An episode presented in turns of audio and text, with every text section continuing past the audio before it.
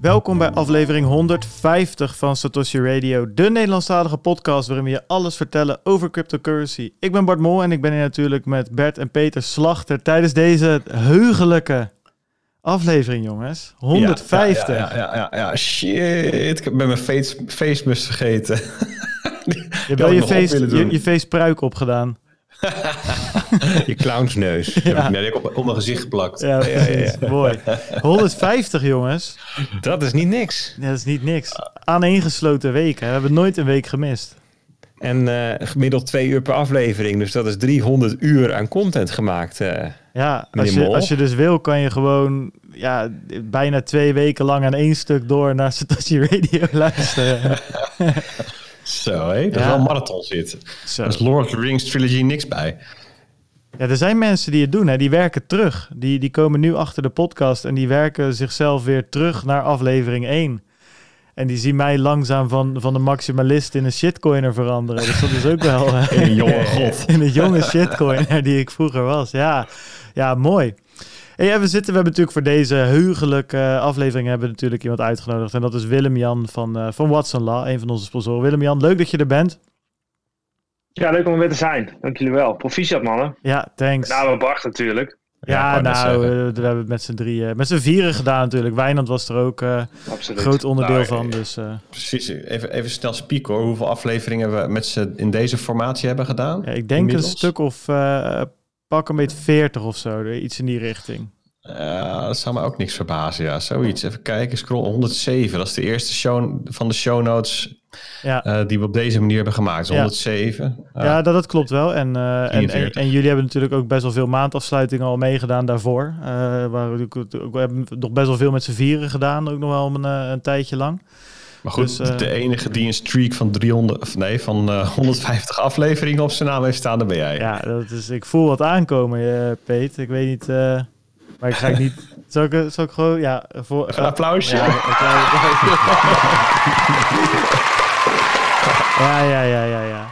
Nee, ja, het is, um, het is wat. Ik, uh, ja, vet. En het uh, gaat hartstikke goed. We hebben volgens mij vorige maand um, uh, voor het eerst 25.000 downloads gehad. Nou ja, niet voor, voor het eerst alsof we daar tegenaan zaten daarvoor. Het is echt als een gek gaat het omhoog. Ja. 25.000 downloads. Dat is echt. Uh, dat is alles bij elkaar, Bart, dan. Hè? Dus is Spotify en wat er gedownload wordt via die andere. Alles wat audio is, inderdaad. Dan heb je YouTube audio, daar nog bij. Dat, is, nou ja, dat kunnen mensen zelf zien, ongeveer 1500 per aflevering. Dus dat is wel echt. Um, ja, veel man. 25.000. Holy Moses. Dat vind ik echt. Uh... Ja, oké. maar goed, met YouTube erbij, dan ga je dus richting de 30k. Ja, maar dat vind ik echt heel veel, zeg maar. Weet je, ik weet nog wel toen, toen ik met, met Wijnand op een gegeven moment ooit eens over had van ja, weet je, wat, wat is het doel? Wat kunnen we halen? En toen was ik ook een keer bij de CryptoCast geweest. En heb je het daar, daar natuurlijk ook met mensen over. En uh, met Boris een keertje. En dan weet je een beetje van, ja, oké. Hoe zit dat nou eigenlijk überhaupt in die podcastwereld? En je leest soms wat in de krant van de grote podcast, wat die dan doen. Toen dacht ik, nou, duizend downloads. Dat moet op een gegeven moment haalbaar zijn. Hè? Als wij goede content blijven maken. En... Uh, ja, daar zijn we al lang overheen. Het gaat nu soms richting de 3000, 4000, 5000 uh, downloads per aflevering. Ja, dat is wel veel hoor. Vind ik echt zoveel mensen. Dat is bijna, ik woon hier bij het Excelsior Stadion in de buurt. Die passen daar niet in. Een stadion vol. Als je er zo over nadenkt, is het wel echt waanzinnig inderdaad. Ja, en dan zit je daar op de middenstip een beetje over fapganzen te praten. Dat, uh... en mensen klappen, hè? op de banken ervoor.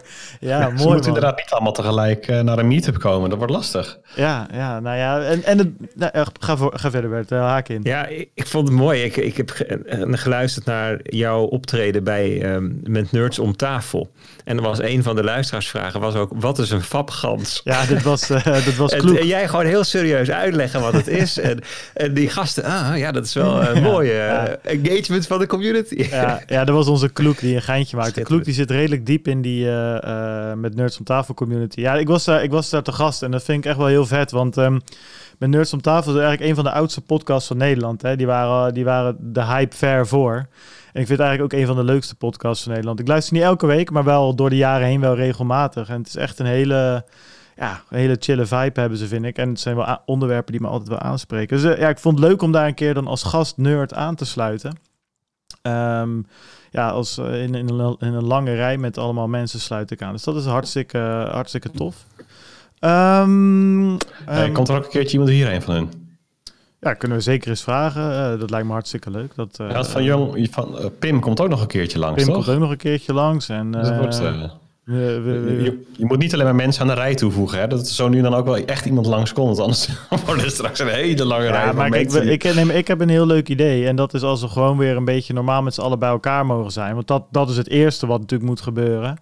Uh, dat we gewoon met live shows gewoon tien mensen uit kunnen nodigen. En die hoeven dan niet allemaal aan tafel te zitten. Maar dan kan je gewoon een beetje, ja, het is gewoon gezellig podcasten met publiek, uh, met hooggeëerd publiek. En uh, mensen kunnen aanhaken wanneer ze willen. Een soort interruptiemicrofoon, interruptiemicrofoon zoals in de Tweede Kamer, weet je wel. Misschien een voorzitter erbij. Weet je? Oh, dan moet je eigenlijk zo'n draadloze, um, zo'n zo kubus, zo'n bal. Ja, kan... precies. Ja, ja. Dat nou, is ja, zoiets. Of gewoon een draadloze mic inderdaad. Ja, ja. dat, zou, eh, dat zou hartstikke leuk, uh, leuk zijn. En um, uh, daar wilde ik wat over zeggen, maar ik ben het even kwijt. Uh, nou, dat gaat dus sowieso de eerste stap gaan we zetten. Want we mogen echt weer. We weten het nu zeker. we hebben het, nou ja, het geluk aan onze zijde voor de verandering. Want de 29ste is de live show volgende week. En dan zitten we er gewoon weer, jongens. Dan gaan we gewoon weer die studio in, want het kan allemaal, het mag allemaal. Ja, en, uh, kijk er naar vooruit. Dus ja. er, staat daar, er staat daar een knoepert van een fles klaar namelijk. Ja, die, Zo ja, is het. Ja, met, dus, een, met iets wat ik nog nooit gezien had in mijn leven. Een, een label waarvan je een lampje kan aanzetten. Dus de, een lamp en label in één. Nou, dat, dan weet je, je hebt met een belachelijk dure fles te maken. Ga ik even vanuit. Ja, we mogen dan ook al met wat meer mensen bij elkaar zijn, denk ik, of niet? Ja, is drie het maximum? Ik mag twee mensen ontvangen of zo. Maar goed, dat zien we allemaal. We kunnen in ieder geval met z'n drieën weer daar gaan zitten. En gewoon lekker die podcast doen en de 150ste aflevering uh, gaan vieren. Want de live show is natuurlijk lang leven de lol. Vandaag hebben we ook nog wel wat serieuze dingen op het programma staan. Maar dat gaat echt uh, dat gaat leuk worden. Um, nou, de podcast wordt dus mede mogelijk gemaakt door Watson Law, zoals ik al zei, van Willem-Jan. Maar we hebben ook Anycoin Direct, Bitcoin Meester, Ledger Leopard, Maven 11, Wordproof en Blocks. Uh, en uh, ja, bij elkaar complementeert dat onze fantastische groep uh, sponsoren. de disclaimer, alles wat wij vertellen is op persoonlijke titel en moet niet worden gezien als beleggingsadvies. vergeet niet, vul die seed nergens in. Nooit 24 woorden, die hou je voor jezelf. Um, de podcast kun je luisteren via Breeze. Nou, um, dan kan je dus uh, ook uh, een beetje doneren. Wil je 1 euro per uur betalen bijvoorbeeld? Stel dan de app in op 35 sats per minuut. Dat zal op dit moment te veel zijn, gok ik. Zal ik eens even kijken? Nou, ga jij maar door met de... Met de nou, dan kijk ik even Ja, kijk jij maar even inderdaad. Hartstikke goed. We zijn bereikbaar via Telegram en Twitter. De links staan op www.satoshiradio.nl En daar kan je ons ook steunen. Uh, en check www.lekkercryptisch.nl, waar Peter deze week bijvoorbeeld weer verklaard heeft waarom uh, de koersval een storm in een glas water is. Ja. Uh, dus als jij je portfolio deze week min 30% hebt zien gaan, Peter zegt dat het allemaal goed komt, dus dan gaan we, daar, gaan we daar vanuit. Dat is um, ook, je kan daar gewoon op bouwen. Dat zijn, dat zijn vaak gewoon, ik heb het bijna altijd gewoon goed. Er is geen enkele correlatie nee. tussen hashpower en prijs. Laat staan een kausaal verband. Dus maak je niet druk, al ontploffen al die miners in China. het komt helemaal goed. Nou, ik, ik, ik, moet zeggen, ik vond het een heel leuk stuk geworden. Dus als je dat niet hebt gelezen, moet je het zeker even doen. Ik heb best wel wat, ja, er zijn best wel wat mensen die dan feedback geven. Nou ja, het is wel fijn even hard onder de riem te krijgen. Maar op zich heb ik, bedoel ik het ook weer niet zo. Weet je. Het is ook weer niet de bedoeling dat mensen zekerheid gaan ontlenen aan hun investeringspositie omdat ik wat schrijf. Maar als je zenuwachtig wordt van zo'n drop als die we hebben gehad, dan is het misschien een teken dat je gewoon te, te veel blootstelling hebt aan iets. Of te weinig kennis. Of een combinatie van beide. Uh, ja, nou in ieder geval moet je je altijd even afvragen hoe zit het met die blootstelling? Ja, Waarom word ik daar zenuwachtig van? Uh, dat moet niet afhankelijk zijn van, uh, van, ik bedoel, het artikel is goed ben ik helemaal mee eens. Um, en die was ook echt veel gelezen trouwens. Ik denk wel uh, een keer of 40.000 of zo in twee, drie dagen. Nou, dat zijn leuke aantallen. Ja. Um, even terug op die sats. Dat moeten er 30 zijn. 30 sats per minuut. Dan betaal je een eurotje. Nou. Per uur. Serieus? Oh, wacht, nou, dat is helemaal niet waar. 37. Nee, gelijk. 37. Oh, hij tegenwoordig. Ik wou net ja, zeggen, hij 37. moet omhoog. Ja, ja, gelijk. Hij moet hoger dan die 35. Hey, weet je, doe lekker wat je zelf wil. Maar uh, ja. 37 zat is een euro per uur. Hey, we hebben nog wat leuks, wat anders. En uh, Peet, ik dol natuurlijk met je. Dat was een goed artikel. En mensen moeten daar inderdaad niet hun beleggingsstrategie uh, van, van af laten hangen. Hey, wat ik binnenkreeg. is het volgende. Dat heb ik hier. Ja, dus een spiegelbeeld heb ik vernomen. Ik zal vertellen wat het is. Het is het kleine Bitcoin boekje. En ehm, ja, dat is gewoon vet, want dat is... eh, eh, dat is het. Nee, kijk, weet je wat het is? We hebben dus een groepje eh, jongens in Nederland die vinden het tof om Bitcoin boeken te vertalen. En dat doen ze eigenlijk, ja, daar krijgen ze niet echt wat voor, behalve eeuwige roem in, in onze podcast en andere podcast. Ehm, maar Rutger, eh, Rutger Dammink en Dan, Dan Xi hebben dit, eh, dit op zich genomen. Die hebben ze zich ook bezig gehouden bijvoorbeeld met, eh, hoe heette die vorige, de Bitcoin Standard die ze vertaald hadden. Ja, en nu het kleine Bitcoin boekje. En dat is op zich wel leuk, want ja, het, is volgens mij niet het grootste eh, stuk literatuur uit de geschiedenis. Maar het is wel erg leuk om aan vrienden weg te kunnen geven. Omdat je er niet zo lang over doet om het uit te lezen, weet je wel. Kijk, de Bitcoin Standard is best wel een pil. Nou, dan heb je nog eh Severdien, die, eh, die, die soms als een, eh, als een gestoorde olifant door de porseleinkast heen dendert. Ja, kijk, daar zit niet iedereen op te wachten. En dit is volgens mij wat neutraler en wat behapbaarder. En dat is, dat is vet, dus dat ondersteunen wij. En wat ook heel leuk is, als je dus in, de, in het voorwoord gaat lezen, dan heeft onze Dan Xi heeft daar wat over geschreven. Ik zit alleen even te kijken waar dat nou precies stond. Nou, in het voorwoord. Oh ja, hier. Hij zegt: ehm, De Nederlandse bitcoiners zijn behulpzaam, intelligent en betrokken. Het is daardoor dat ons kikkerlandje geweldige zaken voortbrengt, zoals fantastische podcast, beginnen met Bitcoin, de Bitcoin Show en Satoshi Radio, met hun zeer gezellige Telegram-groepen. En geweldige initiatieven zoals Bitkassa, Bitter, De Noodzaak en natuurlijk Stacking. Ja, staan we toch maar mooi vereeuwigd in, eh, in het, in het Bitcoin-boekje. En dat is hartstikke leuk. Dus Dan Xi, bedankt daarvoor. Ja. Wat ook heel leuk is, we hebben natuurlijk Bo Wubbo. Mag ik heel even toevoegen dan? Want volgens mij kan je dat boekje bestellen op het kleine bitcoinboekje.nl. Eh, ja, op, op consensus, netwerk of zo heet die. eh. Nee, nee, nee. Het is gewoon ja, zeker wel.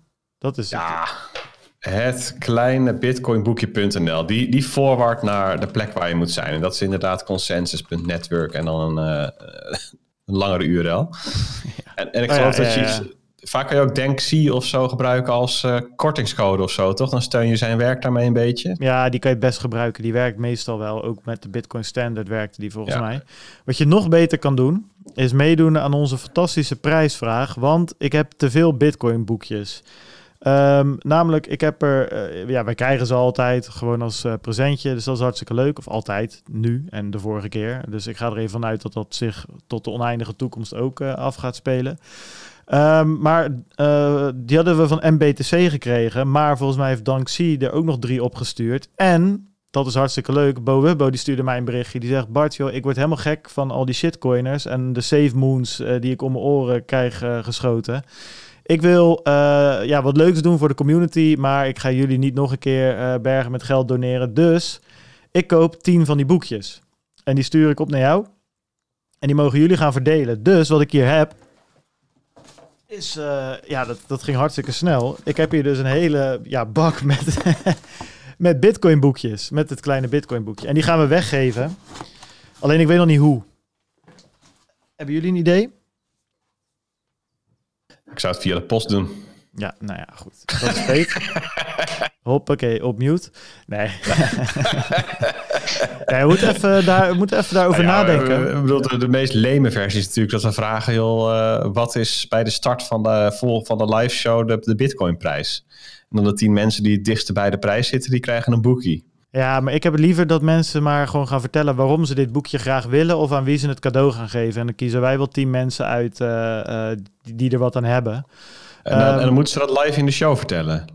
Ja, dat kunnen we misschien ook wel doen. We gaan het in de live show in ieder geval iets mee doen. We hebben nog een weekje. En laat het ook in de chat even aan ons weten hoe we dat moeten doen. Want we hebben ook nog een hoofdprijs. Die staat al een paar weken op de rol. Namelijk eh, de Raspberry Pi die door Maarten gesponsord is. Het noodpakket. Eh, die heb ik ook op kantoor liggen. En die is ook klaar om weggegeven te worden. Dus wie moeten wij een nood gaan geven volgende week? Wie heeft er, wie heeft er zulke hoge nood dat er een nood aan te pas moet komen? Hoge nood. Mooi. Ja. Dus eh, ja, de prijsregen inderdaad zie ik hier live in het document getypt worden. En dat is wat het is. Dus laat in de chat ook weten wat we daarmee moeten. We hebben dus pak een beetje 10 kleine bitcoin boekjes en één volledige, volledige full note pakket. Eh, dus laat dat weten. Dan gaan we er volgende week mee aan de slag.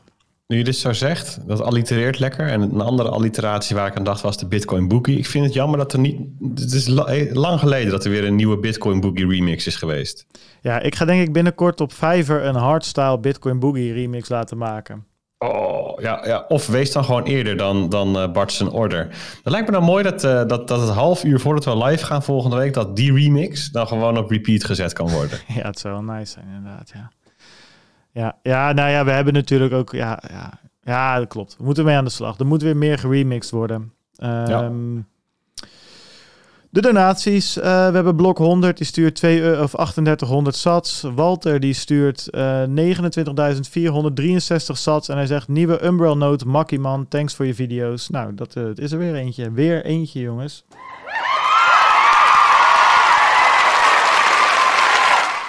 Dat gaat hartstikke goed. Dan hebben we Maarten, die, uh, die heeft de bot uh, een stresstest gegeven. Dus daar kom ik straks even op terug. Die bewaren we tot het laatst. Want daar, uh, dat, dat was, van alle emoties kwamen los toen ik dat zag gebeuren. Ik was in een keukenzaak trouwens, moet je je voorstellen. Dan weet je waar laat het is. Je ziet dat dan gebeuren. Je moet luisteren naar een of andere pipo die een een of andere inductieplaat aan het upsellen is. En dan word je elke seconde, word je, om de seconde word je gestoord. Door, ja, ik zei op een gegeven moment van, ik zei op een gegeven moment, nou, doe, doe, doe, doe die visgraatvloer dan maar, weet je. Ik bedoel, uh, elke seconde kwam er een euro bij. Dus dat, ik zeg, dat gaat er wel vanaf. Ja, doe maar een houten aanrechtblad. Ja, precies. Oh, weet je wat? Maak, maak er maar beton van. Ja, graniet. Weet je wat? Maak er maar marmer ja, van. Ja, marmer inderdaad. En doe die vloer ook maar marmer. En die kraan maar goud. Even kijken hoor. We hebben hier Jelle, die stuurt uh, ongeveer 16.000 sats. En die zegt, voor de geweldige content... Peter, even je cursor weghalen, anders kan ik niet... Dankjewel. Voor de geweldige content die jullie maken... hopelijk gaan platformen als YouTube en Spotify... jullie uiteindelijk ook beter betalen... of breekt er een model door zoals Podcast 2.0. Ja, weet je Jelle, uh, dat zou mooi zijn. Ik weet dat Apple heeft aangekondigd... dat ze ook podcasters de mogelijkheid geven... om uh, te kunnen gaan verdienen op een platform. Ja, daar pakken zij dan wel weer 15% van, geloof ik, minimaal. Maar ja, uh, wij hebben het best aardig voor elkaar hoor. Je hoeft met ons geen medelijden te hebben. Uh, Bitcoin Tina, ja, dat was uh, voor mij Leon die een geintje maakt. Stuurt 10.000 sats. We hebben hier Frits Auspoetser en die stuurt 12.000 sats. En die zegt op aanraden van Dan Xi toch maar eens gaan luisteren. Heerlijk, ga zo door. Een kleine shout-out naar Dan Xi voor de top samenwerking bij het kleine Bitcoin boekje. Op naar de volgende vertaling. Uiteraard, uiteraard betaald met een eigen noot. Groetjes Rutger. Nou, we hebben jou net ook al uh, uh, de heldenstatus gegeven uh, naast de dankzij Rutger. Dus nogmaals thanks voor de, voor de vertaling. En de eigen noot is gewoon dubbel, ja, dubbel goed. Doe gewoon alsof het een nieuwe eigen noot is.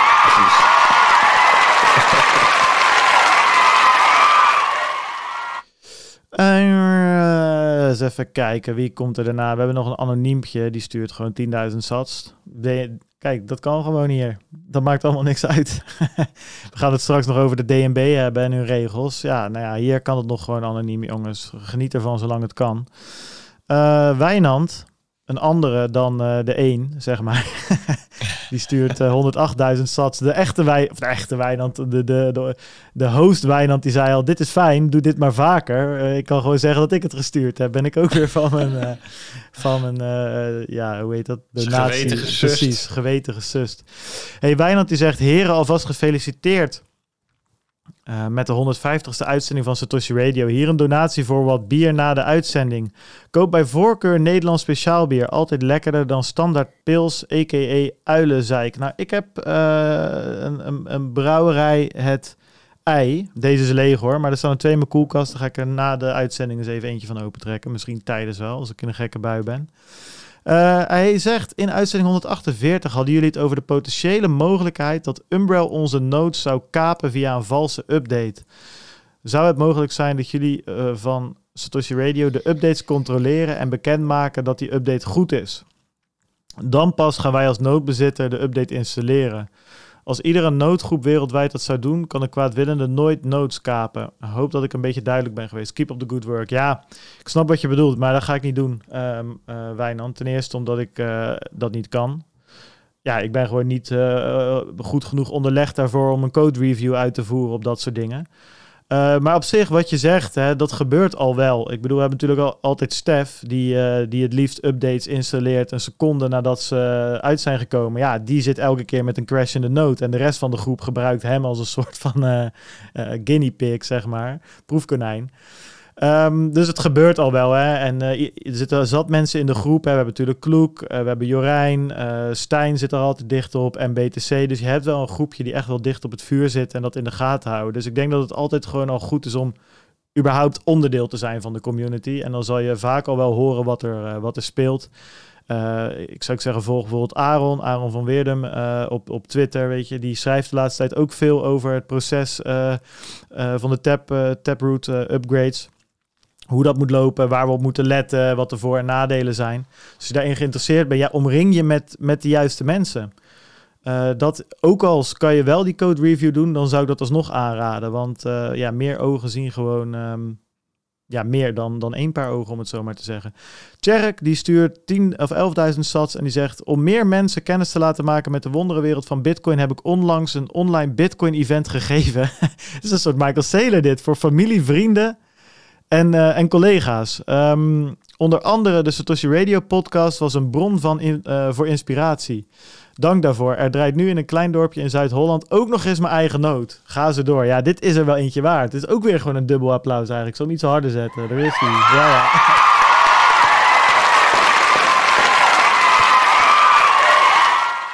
Ja, dat is wel vet hoor. Uh, je eigen Michael Saylor conferentie voor vrienden en, en collega's en familie.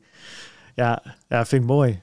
Ik ben wel benieuwd. Dat, uh, laat ook even weten wat je dan gezegd hebt, Jack. Zou je slide deck wel eens willen zien of zo? Ja, en hoe ging dit het? Is, dit is ook een beetje het idee hè, van... Um, kijk, er wordt natuurlijk altijd geroepen... ja, bitcoin is een piramidespel. En daar hebben we, daar hebben we natuurlijk allemaal wel mening over. Maar de, de, de grap is natuurlijk... als iedereen die bitcoiner wordt dit soort dingen gaat doen en zorgt dat er twee andere mensen ook die rabbit hole in flikkeren en dat, die dat ook weer gaan doen, dan heb je gewoon exponentiële groei te pakken. Ja.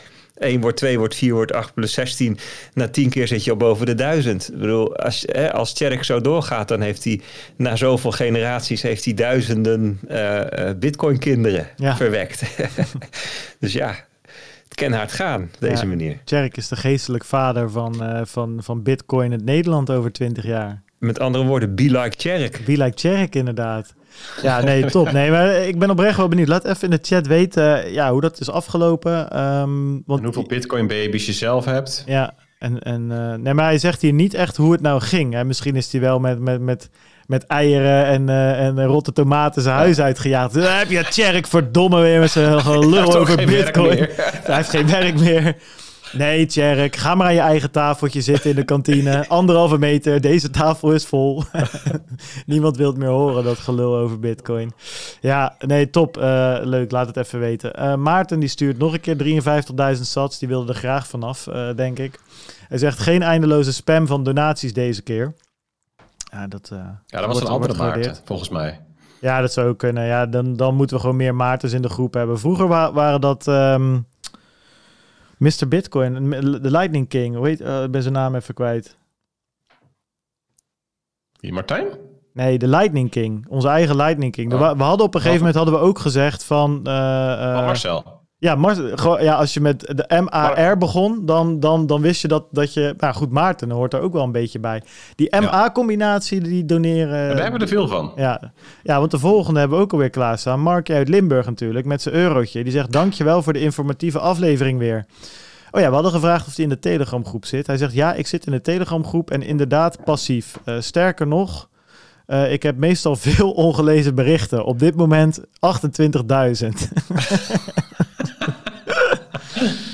Okay. Dat, dat, is twee dagen, toch? Sinds aflevering 7. Ja, pak een beetje. Ik, ik kan de stats erbij pakken. Volgens mij is het inderdaad meer dan 100.000 berichten per week of zo. Gewoon geen tijd om het nog eens bij te houden. Dat snap ik ook. Ik heb voldoende, uh, of in ieder geval dat zeg ik dan, dat snap ik ook, uh, Mark. Ik heb voldoende aan de best wel kwalitatief hoge podcast die jullie elke week weer afleveren. Die is voor mij in ieder geval nooit te lang. Nou, dan houden we het daar gewoon bij en dan... Ik vind dit ook wel mooi, deze soort van low frequency uh, communicatie die we met Mark hebben. Gewoon elke week een berichtje heen en weer. Wat, wat, wat gaan we deze week is... Uh, een teken van leven. Het wordt alleen een beetje uh, precair als die een keer niets typt. Weet je, dan worden wij gewoon ongerust. Ja, dan ben je vrij snel ongerust, inderdaad. Ja. maar dan doneert hij wel, maar dan schrijft hij niks. Um, misschien Mark, heb jij uh, bijvoorbeeld een, uh, ik, ik bedoel uit Limburg, zijn een beetje levensgenieters. Ik ben de laatste tijd toch weer wel weer wat vaker speciaal biertjes aan het drinken. Naast de 0.0'tjes. Heb jij tips? Uh, mag ook wat anders zijn, een wijntje of whatever. Maar gewoon een lekker streekbiertje uit Limburg. Wat ik wel lekker vind? Gouden Carolus, die moet je eens proberen. En dat is ook uit Limburg? Geen idee. Mark, laat even weten. Ik, ik denk dat Mark wel een levensgenieter is. Ik denk, ik denk dat hij wel een biertje, een goede recommendation heeft. Laat het eens weten. Ik zal eens even kijken voor je. Even kijken hoor. Dan hebben we Ramon. Die stuurt uh, 10.000 sats. En die zegt alvast gefeliciteerd met de 150ste. Op naar de volgende 150, uh, 150 afleveringen. 10.000 sats van Maarten Haas. Die zegt hetzelfde. Nog snel een donatie voor de 150ste aflevering. Stijn die stuurt 15.000 sats uh, met waarschijnlijk eenzelfde soort bericht, maar die had er niks bij geschreven. Bert ja, Bert Slachter, die is uh, ja, de zakgeld van zijn kinderen aan het witwassen, denk ik. Ik weet het niet. is die 20, uh, 20.000 zat. Uh, nou, het, het, idee was dat iemand die deed 10.000 en de volgende 15.000 zegt, nou, als ze zo doorgaan, dan wordt het 20.000. Ja, ja, en iemand zei, dan moet je dat zelf doen. Dan deed ik het. En ik denk, nou, dan komt de 25 komt er achteraan. Ja. Maar dat is niet gebeurd. Nee, nee. Ik, ik, ik was, ik was mijn marmeren uh, vloer al aan het bestellen, maar het hield hierop. ja, precies. Uh, dan hebben we Stef M. Uh, ja, onze eigen Stef. Steffi Fabgans. Uh, 15.000 sats. Hij heeft het voor elkaar gekregen. Hij heeft elke bot in het universum van de bots een berichtje gestuurd. Maar uiteindelijk kwam hij bij de goede terecht. Hij zegt op de 150ste aflevering keep on the good work. Dan hebben we nog Volkert. Die stuurt 11.000 sats. Die zegt ook gefeliciteerd allemaal. Laptopman, de laatste van deze week. 11.000 sats. En hij zegt... Uh, graag eens een diepte-topic in de show over liquid, LND en sidechains. Wat is het verschil? Wat kun je ermee? Wat zijn de mogelijkheden in de toekomst? Smart contracts, DeFi, bla bla, uh, nou bla bla, dat is niet waar. NFT's. Alles wat shitcoins proberen aan te bieden, of zien jullie dat anders? Dank voor de vele uren luisterplezier. Dat is wel leuk om eens een keertje over te hebben, inderdaad. Dat, uh, als ik dat niet vergeet, gaan we dat een keer doen. Um, dus, dan hadden we vorige week 431.000 sats, ongeveer 223 euro, 9 notes erbij. Dat was een hele goede vangst. Deze week, ja, ik ga gewoon uh, pak een beetje zeggen, 650.000 sats. En um, uh, ja, dat is ongeveer kleine 300 euro en uh, drie notes erbij. Ja, dat is een aardige vangst, jongens. Je zat op mute, Peet. Ja, dat is ook wel eens lekker. Maar wat ik zei is, dat is helemaal niet verkeerd. Mooie vangst. Dat is niet verkeerd. um, wil je nou ook uitrekenen hoeveel sats jij hebt in euro's of hoeveel euro's je hebt in sats of dollars in sats, dollars in euro's? Maakt allemaal niet uit. Het kan allemaal uh, op sat.trading, die ook een fantastisch logo heeft uh, inmiddels. Volgens mij gemaakt voor, door Sebastian. Sebastian X, Sebas. Uh, ja, super vet. Het ziet er nu echt. Het ziet, ja, ik vind, het, ik vind dat, dat vind ik nou echt een leuk project. Blijf ik zeggen begon met niks en het is nu best wel gewoon iets handigs, wat ik gewoon wel vaak gebruik.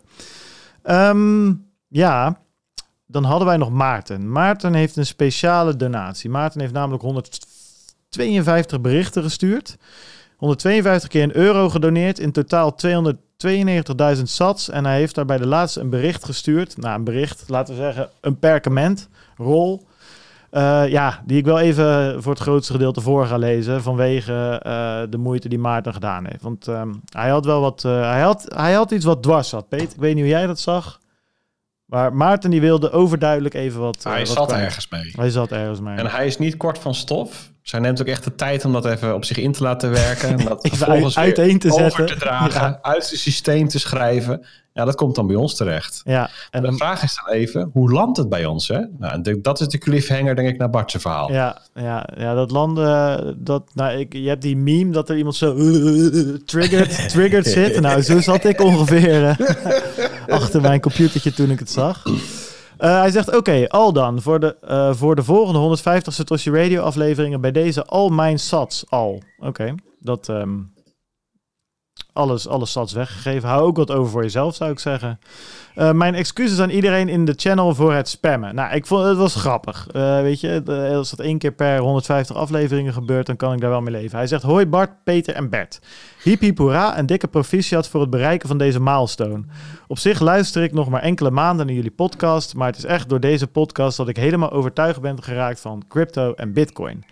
Maar er moet me toch iets van het hart. In aflevering 149 voelde ik me aangevallen. En misschien ook wat andere luisteraars wel.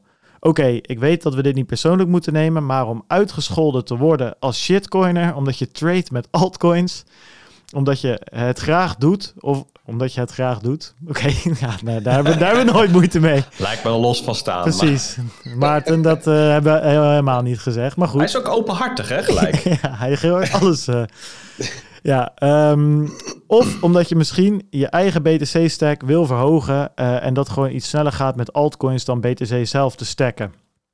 Dat doet een beetje pijn om uitgescholden te worden. Dat, daar komt het op neer. En ja, ik besef heel goed, we zitten in een boelmarkt en dan gaat alles wel eens omhoog.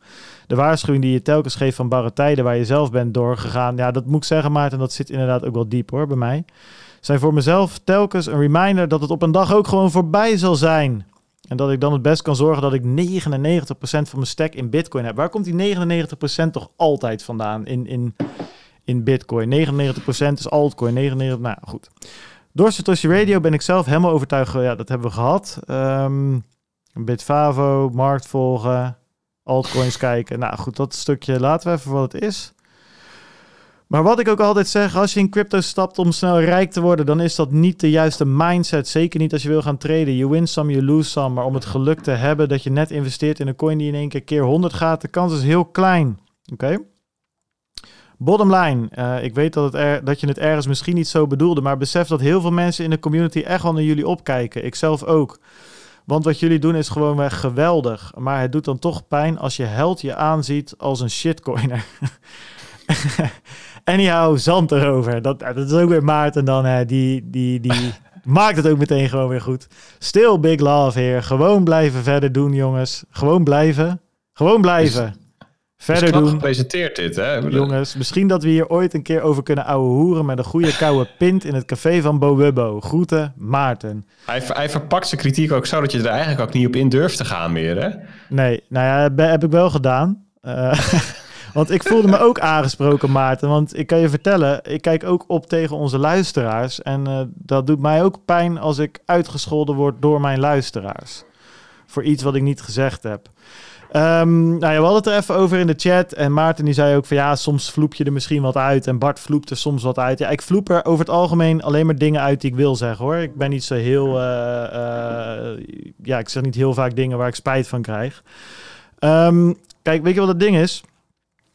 Ik heb het teruggeluisterd, het hele stuk. En we hadden het over shitcoiners. Als in uh, mensen die nu Save Moon promoten aan hun 40.000 followers op Twitter. Mensen die nu filmpjes maken van Dogecoin uh, is een nieuwe bitcoin. Mensen die onder tweets van Bert of van mij of van Peter gulden gaan lopen chillen als zijnde de Nederlandse bitcoin. Dat zijn shitcoiners. Dat is het punt. En trading, prima, ga traden, weet je. Ga met die altcoins aan de slag, ga traden. Alleen wees dan eerlijk en zeg gewoon, nou ja, ik probeer meer geld te verdienen, ik probeer meer bitcoin te verdienen. Fijn, heb ik echt geen enkel probleem mee. Ga ermee aan de slag. En zeker met uh, altcoins zoals Ethereum. Ja, ik ben niet van het kamp dat ik er zo hard in sta dat ik zeg Ethereum is een scam. Uh, of, of weet ik veel, die andere uh, smart contract plat platformen zijn een scam. Dat, dat boeit me allemaal niet zoveel. Ga erin traden. Mijn probleem is dat we soms mensen in de groep krijgen die gewoon aan het traden zijn sinds een maandje, die overduidelijk geld willen verdienen, niet willen luisteren en dan uh, gaan vertellen waarom SafeMoon beter is dan Bitcoin. Ja, nou, dan ben je een shitcoin en daar, hoef ik, daar heb ik gewoon geen tijd voor, daar heb ik geen zin in. Dus uh, in jouw geval, in jouw voorbeeld, wat je geeft, mensen die uh, Bitcoin of andere munten traden voor meer geld, of altcoins traden voor geld, of Sommige mensen, die heb je ook, die hebben ook in de channel zitten. Uh, bijvoorbeeld Meadow Fellow om of Mido Fellow. Ja, die heeft zich goed ingelezen. Die heeft een afweging gemaakt. En die zegt, nou ja, ik zie meer toekomst in die Ethereum bijvoorbeeld dan in Bitcoin. Of ik zie in beide toekomst. Dat is ook prima, weet je. Vitalik, die, die is tien keer zo slim als dat ik dat ben. Die zal vast goede redenen hebben waarom die zo gelooft in Ethereum. En daar luister ik graag naar. Zijn we hartstikke in geïnteresseerd. Hebben we al honderd keer over gehad. NFT's, proof of stake, noem de hele micmac. DeFi hebben het ook vaak over. Dat is allemaal prima. Het probleem zit er maar in, in mensen die... Ze... Thierry Baudet, dat is een shitcoiner. Die komt binnen, die gaat allemaal dingen lopen chillen. Heeft daarna een grote meld tegen iedereen die hem het uit wil leggen. En gaat daarna in zijn eigen groep nog verder met Forumcoin. Dat is shitcoiners. En daar zie je er gewoon in zo'n bull market heel veel van. En daar zijn we klaar mee. Of in ieder geval, ik zal voor mezelf spreken, daar ben ik klaar mee. En daar ging het om Maarten. En niet om jou. Uh, en als jij een paar altcointjes wilt treden, moet je dat lekker doen. Daar is niks mis mee. Vind ik allemaal prima. Nou goed, die rant wil ik ook graag kort houden. Want, hey, maar lucht dat nou op?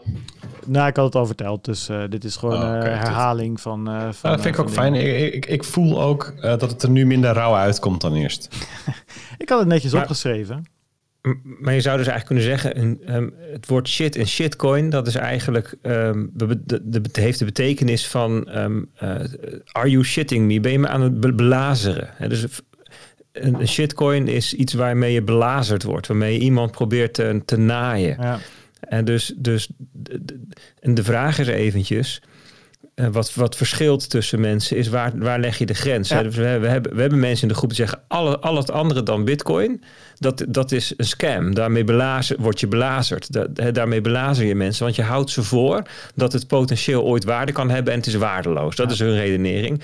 En andere mensen die leggen die grenzen heel ver weg. Die zeggen, ja, alles waar niet een, een, een, een, een uh, georganiseerde misdaad achter zit, is, is prima.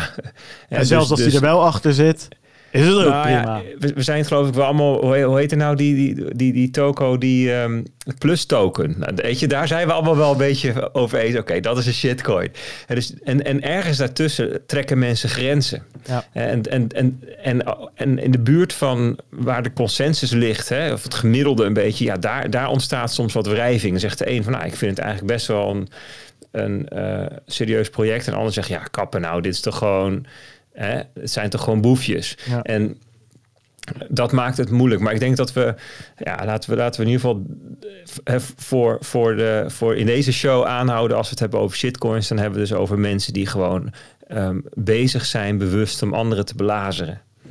Ja. Zoals Save Moon bijvoorbeeld. Ja, zoals Save Moon. Om, om, maar een voorbeeld te noemen. Ja, en weet je wat grappig is? Dat las ik in de chat en dat vond ik eigenlijk wel een mooie. Uh, in 2017 hadden we het over Moon Boys. En niet zo over shitcoiners. En ik vind Moonboys eigenlijk een, een mooiere uh, vertaling. Weet je, dat waren gewoon mensen die, die gewoon aan het traden waren, aan het investeren waren om snel rijk te worden. En die wonden daar ook geen doekjes omheen verder. Weet je, en dat is een beetje het ding. En dat lees ik ook in Maarten's reactie van uh, wat ik ook zeg. Als je in crypto stapt om snel rijk te worden, dan is dat niet de juiste mindset, bla bla bla. Dat is precies de mindset. En het lukt vaak ook nog. Weet je, je moet wel beseffen van als jij in zo'n altcoin of in een ICO of een airdrop of whatever. Op dit moment gaat alles ook als een gek omhoog. En de kans dat jij een keer veel geld verdient is redelijk aanwezig. Het is ook aanwezig dat je het allemaal verliest. Maar dan moet je wel beseffen. Besef dat, dat het gewoon ja, dat je echt aan het gokken bent. Nou ja, en als je een keer uh, uh, je chips op rood hebt gezet en hij valt op rood, besef dan dat je geluk hebt gehad. Cash het uit, haal er een lekker pilsje van, koop wat leuk, leuks voor je vrouw en ga weer verder. Of voor je man. We hebben ook veel vrouwelijke luisteraars. Maar weet je, dat, dat is wel het ding. Het, dat hele Moonboys zijn moonboys. En dat is prima. En ik ga die term weer vaker gebruiken, want dat vind ik een veel fijnere term dan shitcoiners eigenlijk. Want het dekt de lading veel beter. Um, dus dat Maarten. Maar thanks voor je donatie en, en voor het luisteren. Uh, dat wordt gewaardeerd. Uh, en ik hoop dat het een beetje duidelijk is dat we niet jou persoonlijk uitscholden voor shitcoiner. Behalve als je in Save Moon zit. Dan krijg je 150 euro terug plus een ban. uh, ja. Waren dat de donaties alweer? Ja, volgens mij wel hè jongens. We hebben voor de rest geen vragen gehad. Dus dat, dat schiet lekker op. Um, ja, we, gaan het deze week even wat anders doen. We hebben allemaal leuke nieuwtjes en andere dingen, maar dat, uh, ja, die doen we uh, straks. En uh, alles wat we overhouden kunnen we mooi naar de live show doorschuiven. Dat heeft ook allemaal geen haast. Maar we hebben wel Willem-Jan natuurlijk in de show. En Willem-Jan heeft behoorlijk wat kennis over van alles en nog wat waar wij wat minder kennis over hebben. Dus daar willen we optimaal gebruik van maken. Uh, we gaan het dus ten eerste, of in ieder geval, we gaan het over MICAR hebben. Nou ja, uh, ik, uh, um, ik heb net de AMLD en de WWFT verwerkt een beetje en achter me gelaten. en dan komt het volgende alweer. Dus daar hebben we het al een keer kort over gebeld, maar hebben we nu even wat meer tijd voor. maar Willem-Jan zei net ook voor de show uh, dat er een, uh, ja, iets van een DNB-update is. In ieder geval in dat, in dat proces hè, waar al die Bitcoin-brokers en, en, en aanbieders van Bitcoin-wallets en crypto-wallets in zitten. Dus ik denk dat we daar maar eventjes een beginnetje moeten maken. Wat kunnen we daar zeggen? Wat is de update? Wat, wat is er aan de gang, aan de gang daar? Nou, er is, zoals jullie weten, is, jullie hebben daar veel aandacht aan besteed. Ehm, AML D5 geïmplementeerd in Nederland. En dat hele proces uh, hebben jullie gevolgd afgelopen jaar.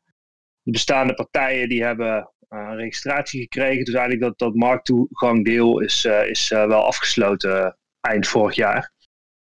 Um, en we zitten nu in een fase dat het, dat het overgaat op doorlopend toezicht. En er is, er is veel aan de hand op het moment. Um, ehm, DNB die eigenlijk drie dingen die, die nu achter de schermen gebeuren. Um, we hebben gezien dat, uh, dat eigenlijk alle marktpartijen worden gevraagd om, uh, om heel veel informatie te verstrekken over hun, uh, over hun business. Dus DNB die heeft naar alle crypto brokers, eigenlijk iedereen die een, die een, een registratie heeft, een vragenlijst van 42 pagina's gestuurd over van alles en nog wat. met name de, de risico's die verbonden zijn aan, nou, aan, aan het bedrijf. Dat is één aspect. Het tweede wat er speelt is dat uh, de, de, de kosten voor, de, voor toezicht 2021, ehm, daar, die zijn gebaseerd op de omzet van, 2000, van 2020. en daar is een uitvraag voor, voor geweest. Dus DNB, die, daar hebben jullie het ook vaak over gehad. DNB, de kosten daarvan, legt een belangrijk deel daarvan bij de markt zelf neer. Dat is gerelateerd aan hoeveel omzet een, een partij maakt. En die uitvraag die is, uh, die is vorige week geweest. Uh, en het derde ding wat, uh, wat speelt, en dat, hangt een beetje ook samen met. dat, dat gaat over hetzelfde onderwerp als de betonnenrechtszaak. Dat is um, de wallet verificatie-eis. Um, daar, daar heeft DNB nog steeds de korrel op. En het lijkt erop dat ze het idee hebben dat daar niet door alle partijen aan, aan wordt voldaan. Dus daar zijn ook her en der wat vragen over gesteld. Dus dat zijn eigenlijk de drie dingen die, die in parallel uh, op dit moment spelen, die de afgelopen paar weken naar voren zijn gekomen. Dat is eigenlijk de, nou ja, de volgende stap van, uh, van de markttoegang is, is afgesloten. Um, en nu komt het doorlopend toezicht. Dus deze partijen die, die gaan door de jaren heen met dit soort, dit soort dingen te maken krijgen. Hey, jij zei, um, er wordt uitgevraagd ik zou zeggen, een heel pakket, 42 pagina's, als ik je goed begrijp. Ja, dat klopt. Mooi getal trouwens. Uh, onder andere over wat voor risico's aan het bedrijf kleven. Uh, wat, wat, ja, voor, wat, voor, dingen heb je het dan over? nou, um, al die bedrijven die hebben hele pakketten aan, aan informatie moeten in, in, in het registratieproces hele pakketten aan informatie ingediend over hoe dat hun bedrijf is opgebouwd, wie dat het beleid bepaalt, Ehm, welke risico's zij zelf zien. Ehm, eh, eh, bijvoorbeeld op witwassen, financiering van terrorisme, fraude, dat soort zaken allemaal. Um, en, en, daar krijgen ze nu vragen over hoe ze, daar, hoe ze daarmee omgaan. Dus heel concreet, als bedrijf moet je uh, eens per jaar minimaal je, je, je processen doorlichten om te kijken waar de risico's zitten op, op witwassen. Dus bijvoorbeeld dat je cash aanneemt. Nou, dat doet vrijwel niemand. Ehm, of dat je uh, buitenlandse partijen, uh, buitenlandse klanten hebt. En uh, hoe je daar dan mee omgaat, hoe je het risico dat daaraan verbonden is, eigenlijk zorgt dat dat weggaat. Dus het zijn hele gedetailleerde vragen over, over hoe, dat, hoe dat het bedrijf nu in elkaar zit. Precies. En zijn die kosten van, van dat doorlopend toezicht, zijn die nou ook naar beneden bijgesteld eigenlijk? Ten opzichte van de getallen die vorig jaar en het jaar daarvoor uh, hoorden rondgaan? Nou, op basis van hè, vorig jaar was, was dat was het eerste jaar, dus, dus toen konden ze het nog niet relateren aan omzet. Dat was een vast bedrag. Nu hebben ze de uitvraag gedaan voor de omzet van afgelopen jaar voor de kosten van 2021. En ehm, de minister moet nog vaststellen wat, wat, wat de totale kosten gaan zijn die verdeeld worden onder die marktpartijen. Maar er zitten twee aspecten in. De ene kant is hè, de, hoogte van de totale kosten. En aan de andere kant het aantal waar, waardoor het gedeeld moet worden. Ehm, zowel het aantal waardoor het gedeeld moet worden is uh, lager dan ingeschat. Als, dat staat nog niet vast, maar ik, dat is mijn inschatting, dat de kosten van het toezicht hoger zullen uitvallen dan, uh, dan ingeschat. dus ik denk dat die kosten sterk omhoog gaan. Zeker niet omlaag. Ja, want het, het, ging over 2 of 3 miljoen dat over alle partijen heen uitgesmeerd werd, toch? Het oorspronkelijke getal, zeg ik even uit mijn hoofd, 1,8. Oké. Maar, maar DNB heeft meerdere keren gezegd dat ze, uh, dat ze er meer aandacht en tijd aan hebben moeten besteden dan gedacht. Dus het ligt in de reden dat die kosten ook hoger zullen uitpakken dan, uh, dan oorspronkelijk begroot. dus gemiddeld gaan ze een ton of zo betalen. 30 bedrijven, 3 miljoen of zo. Wat is het? 25 bedrijven, 2,5 miljoen? Dat, uh, dat zou zomaar kunnen, ja. Dat Is, uh, dat, ik denk dat dat een reële inschatting is. En dat, dat is um, misschien in de bull market van nu, weet je, dan goed, dan slik je dat. Maar ja, weet je, als we straks weer een, een bear market krijgen, zijn natuurlijk gewoon echt enorme bakken geld die er dan uh, die zo'n sector voor ze kiezen krijgt. Ja, ja, dat, dat is wel waar. En ik ben, ik, dit is ook echt weer zo'n typisch voorbeeld van ja, uh, we maken een projectie en we zuigen het uit onze duim en uh, we halen er nog eens 25% van af. Want het sloeg natuurlijk nooit al ergens op. Want het werd berekend op basis van 70 uh, deelnemers of zo, weet ik veel, iets in die richting. Ja, en kom op, weet je, met zoiets nieuws, uh, daar, daar weet je... Daar, daar, Taleb zou zeggen, hier moet je 25% uh, buffer inplannen, omdat je eigenlijk al weet dat, dat, dat de planning hier uit de klauwen gaat lopen, zeg maar. Dit, dit, dit, dit is zo nieuw, dit, hier, hier kan je er bijna rekening mee houden dat het, dat het meer gaat worden. En en ik moet wel, kijk, wat ik, wat ik nou interessant zou vinden, en misschien heb jij daar wel uh, wat meer inzicht in. Weet jij nou, als, als we het over die sector hebben, die 25 partijen pak een beet, wat zetten die nou überhaupt eigenlijk om? Um, ik denk dat dat heel erg verschilt uh, uh, per, per partij. Um, ik heb. ik, weet, ik, weet dat, ik weet dat niet. Ehm, ik weet dat de volumes die zijn, die zijn wel echt significant. Dat gaat wel echt over hele uh, grote bedragen. Maar wat, wat, wat er per partij uh, precies wordt omgezet, dat, dat, dat weet ik niet. Ja, dat zal variëren van uh, tonnen tot miljoenen. Maar ja, daar heb je ook niks aan natuurlijk. Nou ja, daar heb je wel wat aan. Nee, sommige, sommige, uh, sommige bedrijven die, die, die uh, publiceren wel hun liquiditeit, hun volume. Ik weet dat Lightbit dat doet op CoinMarketCap en Bitcoin meester uh, publiceert het volgens mij ook op uh, CoinGecko. Coin Paprika. In ieder geval een website. um, ja, Coin Paprika. Klinkt een beetje obscuur. ja, je hebt Bitradon statistics op Coin Paprika, ja. Ja, is de internationale, internationale naam van Bitcoin Meester. Ja, maar... Maar, um... maar over individuele, individuele omzetten, die, die, die weet ik niet. En, nee. en volgens mij zijn die ook niet al, uh, publiek bekend. Nee. Maar dat is best wel interessant. Hier op, op coinpaprika.com kan je inderdaad van Bitladon zien wat ze dan aan volume hebben gedaan. Afgelopen 24 uur. Dus 8,6 miljoen op Bitcoin alleen. Bitcoin euro per. Ja. En 4 miljoen op Ether.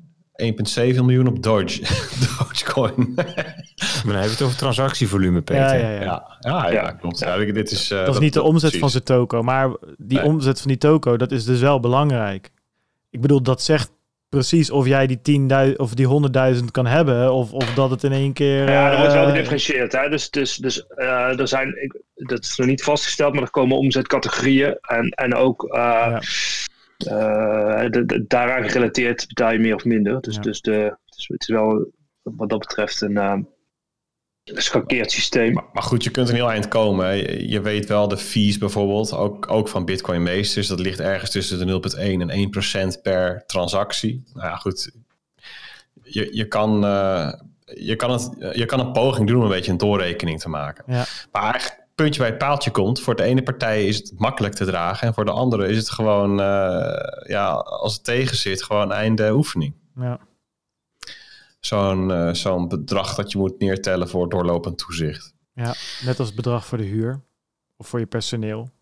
Ja, kijk, weet je, ik bedoel, ik, ik, ik ben, uh, iedereen weet hoe ik erin sta over dit hele DNB-verhaal. Ik bedoel, het proces is slecht. Uh, toezicht vind ik tot nu toe ook niet al te best. En die, die rechtszaak vond ik ook schrijnend. Um, maar ja, kijk, ik, uh, ik vind het ook wel lastig hoor. Kijk, weet je, uiteindelijk, ja, als je, als je aan tienduizenden euro's moet betalen aan toezicht. ja, kijk, nou, mijn vraag is, zeg maar, als je die kosten niet kan hebben, in hoeverre ben je dan levensvatbaar? Dat is denk ik op een gegeven moment ook wel een faire vraag om te stellen. Want toezicht zijn niet de enige kosten die bij een volwassener wordende markt komen. Ik bedoel, je klanten gaan ook vragen op een gegeven moment uh, of jij die, die KYC-data wel goed opslaat en dergelijke. Ik bedoel, ja. ja hoe, hoe moeilijk is het dan om te starten? Uh, ja, het wordt steeds lastiger, maar dat komt ook vooral omdat de rest van de markt een steeds grotere voorsprong heeft. Dat komt niet alleen maar door die regulering, zeg maar. Ik hoor vaak dat. Kijk, de DNB is absoluut niet bezig om een fijn uh, uh, ondernemersklimaat in die financiële sector te creëren. Daar ben ik het helemaal mee eens. Maar ik vind dan vaak de conclusie die getrokken wordt: de DNB jaagt iedereen het land uit. En dan het voorbeeld Deribit, die in Panama is gaan zitten. Waarvan het überhaupt maar de vraag is of dat per se door de DNB kwam. Of dat ze daar vroeger of laat toch heen vertrokken waren. Uh, vind ik dan ook wel weer redelijk ver. Um, ver gezocht. Want aan de andere kant denk ik, in diezelfde financiële sector, um, waar de DNB ook toezichthouder is, hebben we bijvoorbeeld wel uh, Molly en Adyen, die uh, wereldwijd voorlopers zijn op het gebied van payment services. Zijn die dan in een compleet ander klimaat opgegroeid? Heeft de DNB daar een compleet andere bril gehad? Misschien wel, misschien niet. Volgens mij zijn ze daar ook redelijk strikt in het naleven van de KYC en EML-richtlijnen, dezelfde als die voor de Bitcoin-bedrijven gelden. Dus ja, de die is wel, uh, die, is, die is lang, die is, die is wel eventjes onder de radar gebleven. Hè? Die, die, die, dat hele betaal, uh, betaal, uh, de betaalinstellingen die waren toen ook nog niet gereguleerd. Dat is op een gegeven moment is dat, is dat gekomen. En zij hebben ook wel een, een, echte inhaalslag moeten maken op onder toezicht komen en, en, en, aan de regels voldoen. Ja. Uh, die zijn daar natuurlijk, hebben de, afgelopen tien jaar een gigantische, gigantische uh, groei doorgemaakt. Uh, maar die, daar tekent wel, wel eenzelfde beeld af. Die hebben het ook wel echt zwaar gehad. Um, in het begin met de toezichthouder. Nou, dat is ook inderdaad precies een beetje het punt. Ik bedoel, veel van die Bitcoin-bedrijven zijn ook al gewoon tien jaar aan het bouwen. Nou, misschien iets minder, laten we zeggen 7, 8. Hè. Veel zijn er gewoon in 2013, 14 begonnen. Ja, op een gegeven moment dan, dan, uh, dan, dan val je onder wetgeving en dan wordt jouw business zo groot dat je daar wat mee moet. En kijk, het proces hoe dat gegaan is, uh, vind ik absoluut niet leuk. En ik vind de invulling van de wetgeving had ook op een hele andere manier gekund. En een veel betere manier, denk ik. Um, maar ja, daardoor stellen dat we geen grote cryptobedrijven in Nederland hebben, ja, dan, dan wijs ik dus wel naar een Molly en een Adyen, waarvan ik denk van ja, die hebben op een gegeven moment ook die hamer van de DNB over zich heen gehad.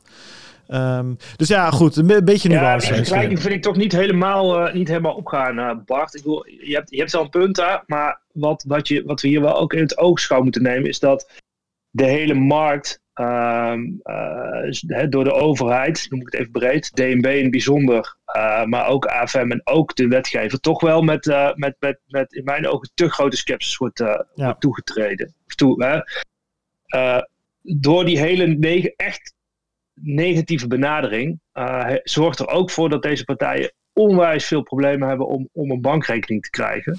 Onwijs veel problemen hebben om gewoon normaal deel te nemen aan, aan de huidige betaalinfrastructuur. En daardoor ook problemen hebben om hun bedrijven goed en solide op te zetten. Um, en dat, dat kost gewoon eh, enorm veel, uh, veel, veel tijd en moeite. Ja. Um, en dat, ik vind dat dat, dat dat ook voor een deel te wijten is aan, aan uh, laten we in ieder geval zeggen, de, de, de het narratief wat vanuit, uh, vanuit uh, de toezichthouder en de wetgever wordt nee, nee, hem, helemaal eens, gepleegd.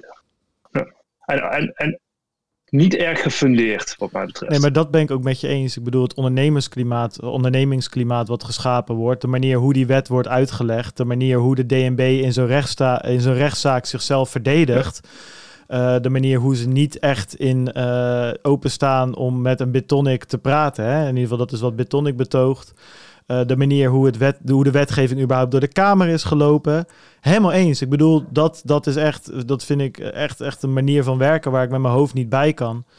Ehm, het enige punt wat ik probeer te maken is dat uh, dat het zeker beter gekund. Alleen als ik kijk naar andere innovatieve bedrijven, die zijn ook uiteindelijk onder uh, regulatie uh, gevallen. En ik denk dat een Molly of een Agent, dat die wel inderdaad, wat je zegt, heel terecht met een andere blik zijn benaderd. En misschien wat, op een wat eerlijkere manier. Uh, maar ook die, wat je ook zegt, zij moesten wel hard aan de bak om het recht te trekken, zeg maar. Dus eh, kijk, aan de ene kant, dus ik denk van als je uiteindelijk volwassen wil worden, hoort het erbij. Alleen het vervelende is dat, uh, ja, dat het op dit moment niet, dat je geen, niet echt een serieuze kans krijgt van de DNB. Uh, eh, ook al doe je heel erg je best. En ik denk dat daar, dat daar de crux een beetje. Uh, en, mijn zorg is ook niet dat er grote bedrijven wegblijven. Die grote bedrijven die komen wel, want de, de hele structuur van, van toezicht is nu allemaal richting consolidatie van bedrijven. Want we hebben nog niet eens over MICAR gehad. Ja. Dan wordt dat nog extremer. Ja. Mijn, mijn grootste zorg is dat je eigenlijk als nieuwe ondernemer überhaupt uh, niet meer voet aan de grond kan krijgen. Tenzij je op de een of andere manier zoveel kapitaal kan aantrekken voor iets wat nog niet bestaat. Uh, dat je toch aan die toezichtskosten kan voldoen. Ja. dat vind ik eigenlijk het, een van de grootste hiaten. Zeg maar. je, je hebt hier gewoon in Europa niet echt speeltuinen of zo, waar je gewoon binnen die muren kan ondernemen. Ja, maar ja, eens aan de ene kant. Aan de andere kant, die Bitcoin-bedrijven zijn al wel zeven jaar bezig. Dat was toch een speeltuin de afgelopen zeven jaar, of ben ik gek? Ja, deze Bitcoin-bedrijven wel. Maar als er iemand een nieuw idee heeft uh, en, en iets nieuws wil gaan ondernemen, die kan niet van, vanuit zijn zolderkamer uh, komen tot een miljardenbedrijf. Zeg maar, de, tenzij je ja, de markt op gaat en op de een of andere manier kapitaal kan aantrekken of zo. En maar dat hele, dat, die, die, die, die creativiteit die er gewoon bestaat op zolderkamers en ideeën. Uh, ja, weet, je, weet, je, weet jij van wat er nog allemaal bedacht wordt rondom Bitcoin? Hè? Als dus misschien als een laag bovenop Bitcoin, een toepassing die je nu nog niet ziet. Ja, wat, wat moet je daarmee dan? Ja, nou ja, dat is ook fair. Fair enough. Ja, daarvoor zou het kunnen werken als ze iets van een soort, soort van safe harbor-achtige constructie bedenken. Zoals bijvoorbeeld de SEC nu overweegt in Amerika. Je zegt van ja, als je de eerste drie jaar um, heb je de tijd als je een crypto-project start om te zorgen dat het zodanig gedecentraliseerd raakt dat wij daarna, daarna zeggen dat het inderdaad geen security offering is geweest. Of een omzetgrens of zo, weet je wel. Er zijn zulke eenvoudige, maar alleen dat het dat soort dingen niet in zo'n wet zijn opgenomen, dat, ja, dat begrijp ik echt niet. Of, of dat je voor mijn part sta je onder even streng toezicht, maar hoef je de eerste drie jaar die toezichtkosten niet te betalen. Dus zelfs dat zou nog kunnen. Ja, dan moet ik wel zeggen dat toezicht is wel weer vereist wel weer dat je uh, compliance officers en dat soort dingen in dienst neemt. Wat, wat voor zolderkamerprojecten ook wel lastig is, zeg maar. Hmm. Um, maar inderdaad hoor, ben met je... Ja, ja, ik ben CEO, CFO, ik ben... Deur, deurman, liftboy.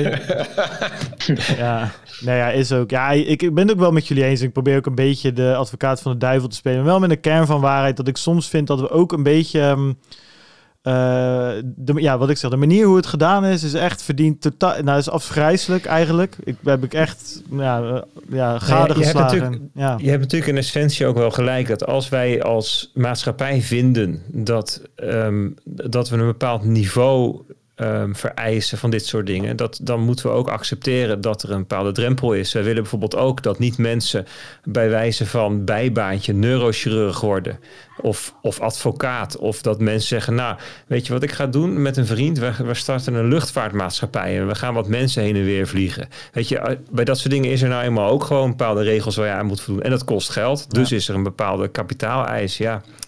Dat, uh, nou ja, dat is denk daar ben ik, het wel mee eens, Bart. Dat is eigenlijk heel, ja, dat vat hem heel goed, uh, heel goed samen. Um, neem, ja, neem niet weg dat in zijn algemeenheid ik gewoon van KYC en EML vind dat het best een tandje minder mag. Of dat er wel eens uitgelegd mag worden wat we er nou precies mee voorkomen.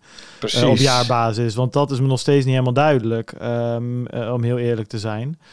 Um, Terwijl wel weer, ik zag het van de week weer iets langs. Ah, dat was bij Malta of zo. Kon je paspoorten kopen, maar dat lag allemaal op straat. Ja, we hebben zoveel hacks en dingen. En we hebben het er al vaak over gehad. Gaan we deze week wat minder doen. Maar ja, die paspoortjes die allemaal bij die Nederlandse brokers op de server liggen. Ja, daar voel ik me niet heel uh, tranquilo bij om maar wat te zeggen. En wat we er nou precies mee voorkomen.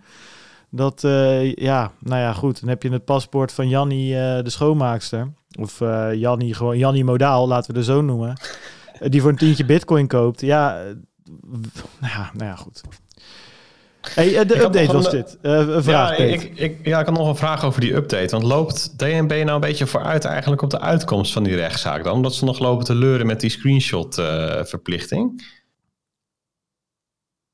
Um, nou, nee, ze lopen er zeker. Ja, de, uitkomst daarvan is nog niet, uh, nog niet bekend natuurlijk. Maar ze, uh, ze zijn wel, uh, is mijn indruk, aan het inventariseren wie er zich in de praktijk echt wel en wie, ze, wie er zich niet aan houdt. Ja, dus dat geeft niet echt de indruk dat ze zoiets hebben van, nou oké, misschien moeten we even pas op de plaats maken en heroverwegen of dit wel legitiem is. Um, nou ja, in hun optiek is het dat. En, en in die zin um, snap ik het wel. Kijk, het is, het is een, vergaande eis waarvan veel mensen hebben gezegd: uh, het, raakt onze, het raakt onze business.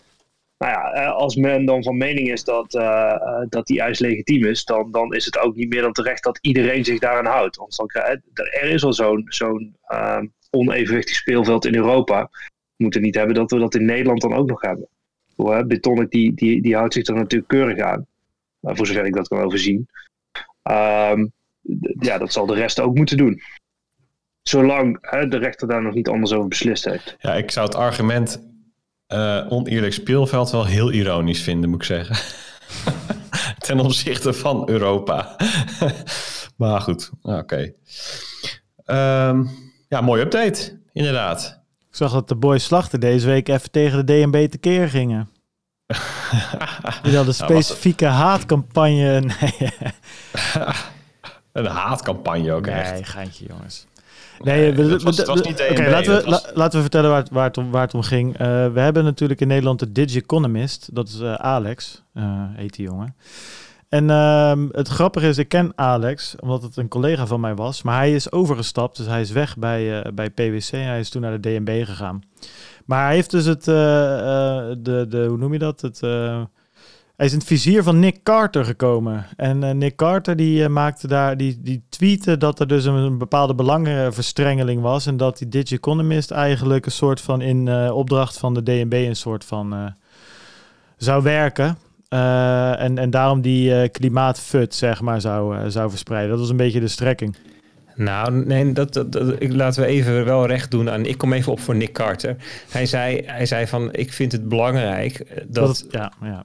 dat, dat, dat, dat je dat erbij vertelt. Ik bedoel, je kunt nu niet meer eh, dit is natuurlijk een vorm van belangenverstrengeling. Je, je, kan nu niet meer, eh, want, want hè, die, die Alex, die, dat is toch al een soort van lobbyist. Hij lobbyt tegen Bitcoin, want hij is namelijk heel fel en heel eenzijdig. En dat is wat lobbyisten doen. Die zeggen: het is helemaal niet erg om wat peuken te roken. Dat is stoer. Dan zit je op paard in, in Wilde Westen en dan word je een echte man van als je peuken rookt. Die gaan er niet bij zeggen. Hè, dat is het hele idee van lobbyen, dat je één kant van de zaak belicht. Dus en dat doet hij. Hij belicht één kant van de zaak. Ja, dat is, dan, dan is het wel van belang dat je ook daarbij vermeldt dat je bij de Nederlandse bank werkt. Want dat, is, dat heeft met elkaar te maken. Dat is wat Nick Carter alleen maar zegt. Van je, kan het niet, je mag dat nu niet, uh, niet noemen. En dat, daar ben ik het wel mee eens. Ik vind dat, dat ja, uh, die, die twee liggen zo in elkaars verlengde. Hè. De Nederlandse bank neemt namelijk ook een heel, best wel een extreme positie in. Hè. Ze, gaan, uh, ze wijken af van wat um, uh, allerlei andere adviesorganen hebben gezegd. Ik weet niet hoe, hoe, hoe, hoe die ook alweer heten. Die zeiden van, joh, je moet het helemaal niet gaan doen met die uh, wallet-verificatie. Dan ga je het strenger maken dan de rest van Europa. Enzovoort. Maar ze doen het wel, dus ze nemen een bepaalde positie in. Um, kijk, als hij, als hij was gaan werken bij Ahold om de pakken hagelzachters te, te, sorteren, dan hoef je dat niet te noemen. Dat heeft echt helemaal geen bal met elkaar te maken. En dit wel. En dat is wat Nick Carter op wees. En dat, ja, daar ben ik het wel mee eens. Ja, nee, is ook zo. En, uh, ik zal even voorlezen. Just so people know, the Digiconomist, probably the most cited resource on Bitcoin energy, is run by an employee of the Dutch Central Bank. Not exactly an impartial source. It's irresponsible to cite the data without mentioning this obvious conflict. Um, ja, nee, goed, dat is ook, uh, dat is wel zo. Ja, kijk, weet je wat is? Ik vind het jammer, want um, ja, weet je, we hebben Alex ook wel eens in de, in de show gehad, twee keer volgens mij zelfs. En um, ik heb hem een beetje, in mijn idee een beetje zien uh, radicaliseren, zeg maar, waar veel bitcoiners ook hoor, dat dient ook gezegd te worden, radicaliseren naar de maximalisten kant, zeg maar, steeds verder. En uh, op een gegeven moment, uh, weet ik veel, omdat er twee gas, gasbranders afgefakkeld worden met een bitcoin miner, zeggen dat bitcoin groen is zit hij, is hij helemaal naar de andere kant afgegleden. En dat is best wel zonde, want ik vond het eigenlijk wel een leuk tegengeluid altijd. Alleen het is nu gewoon een haatcampagne tegen Bitcoin geworden. En dat vind ik erg, um, erg jammer. Ik had laatst ook een discussie uh, met hem.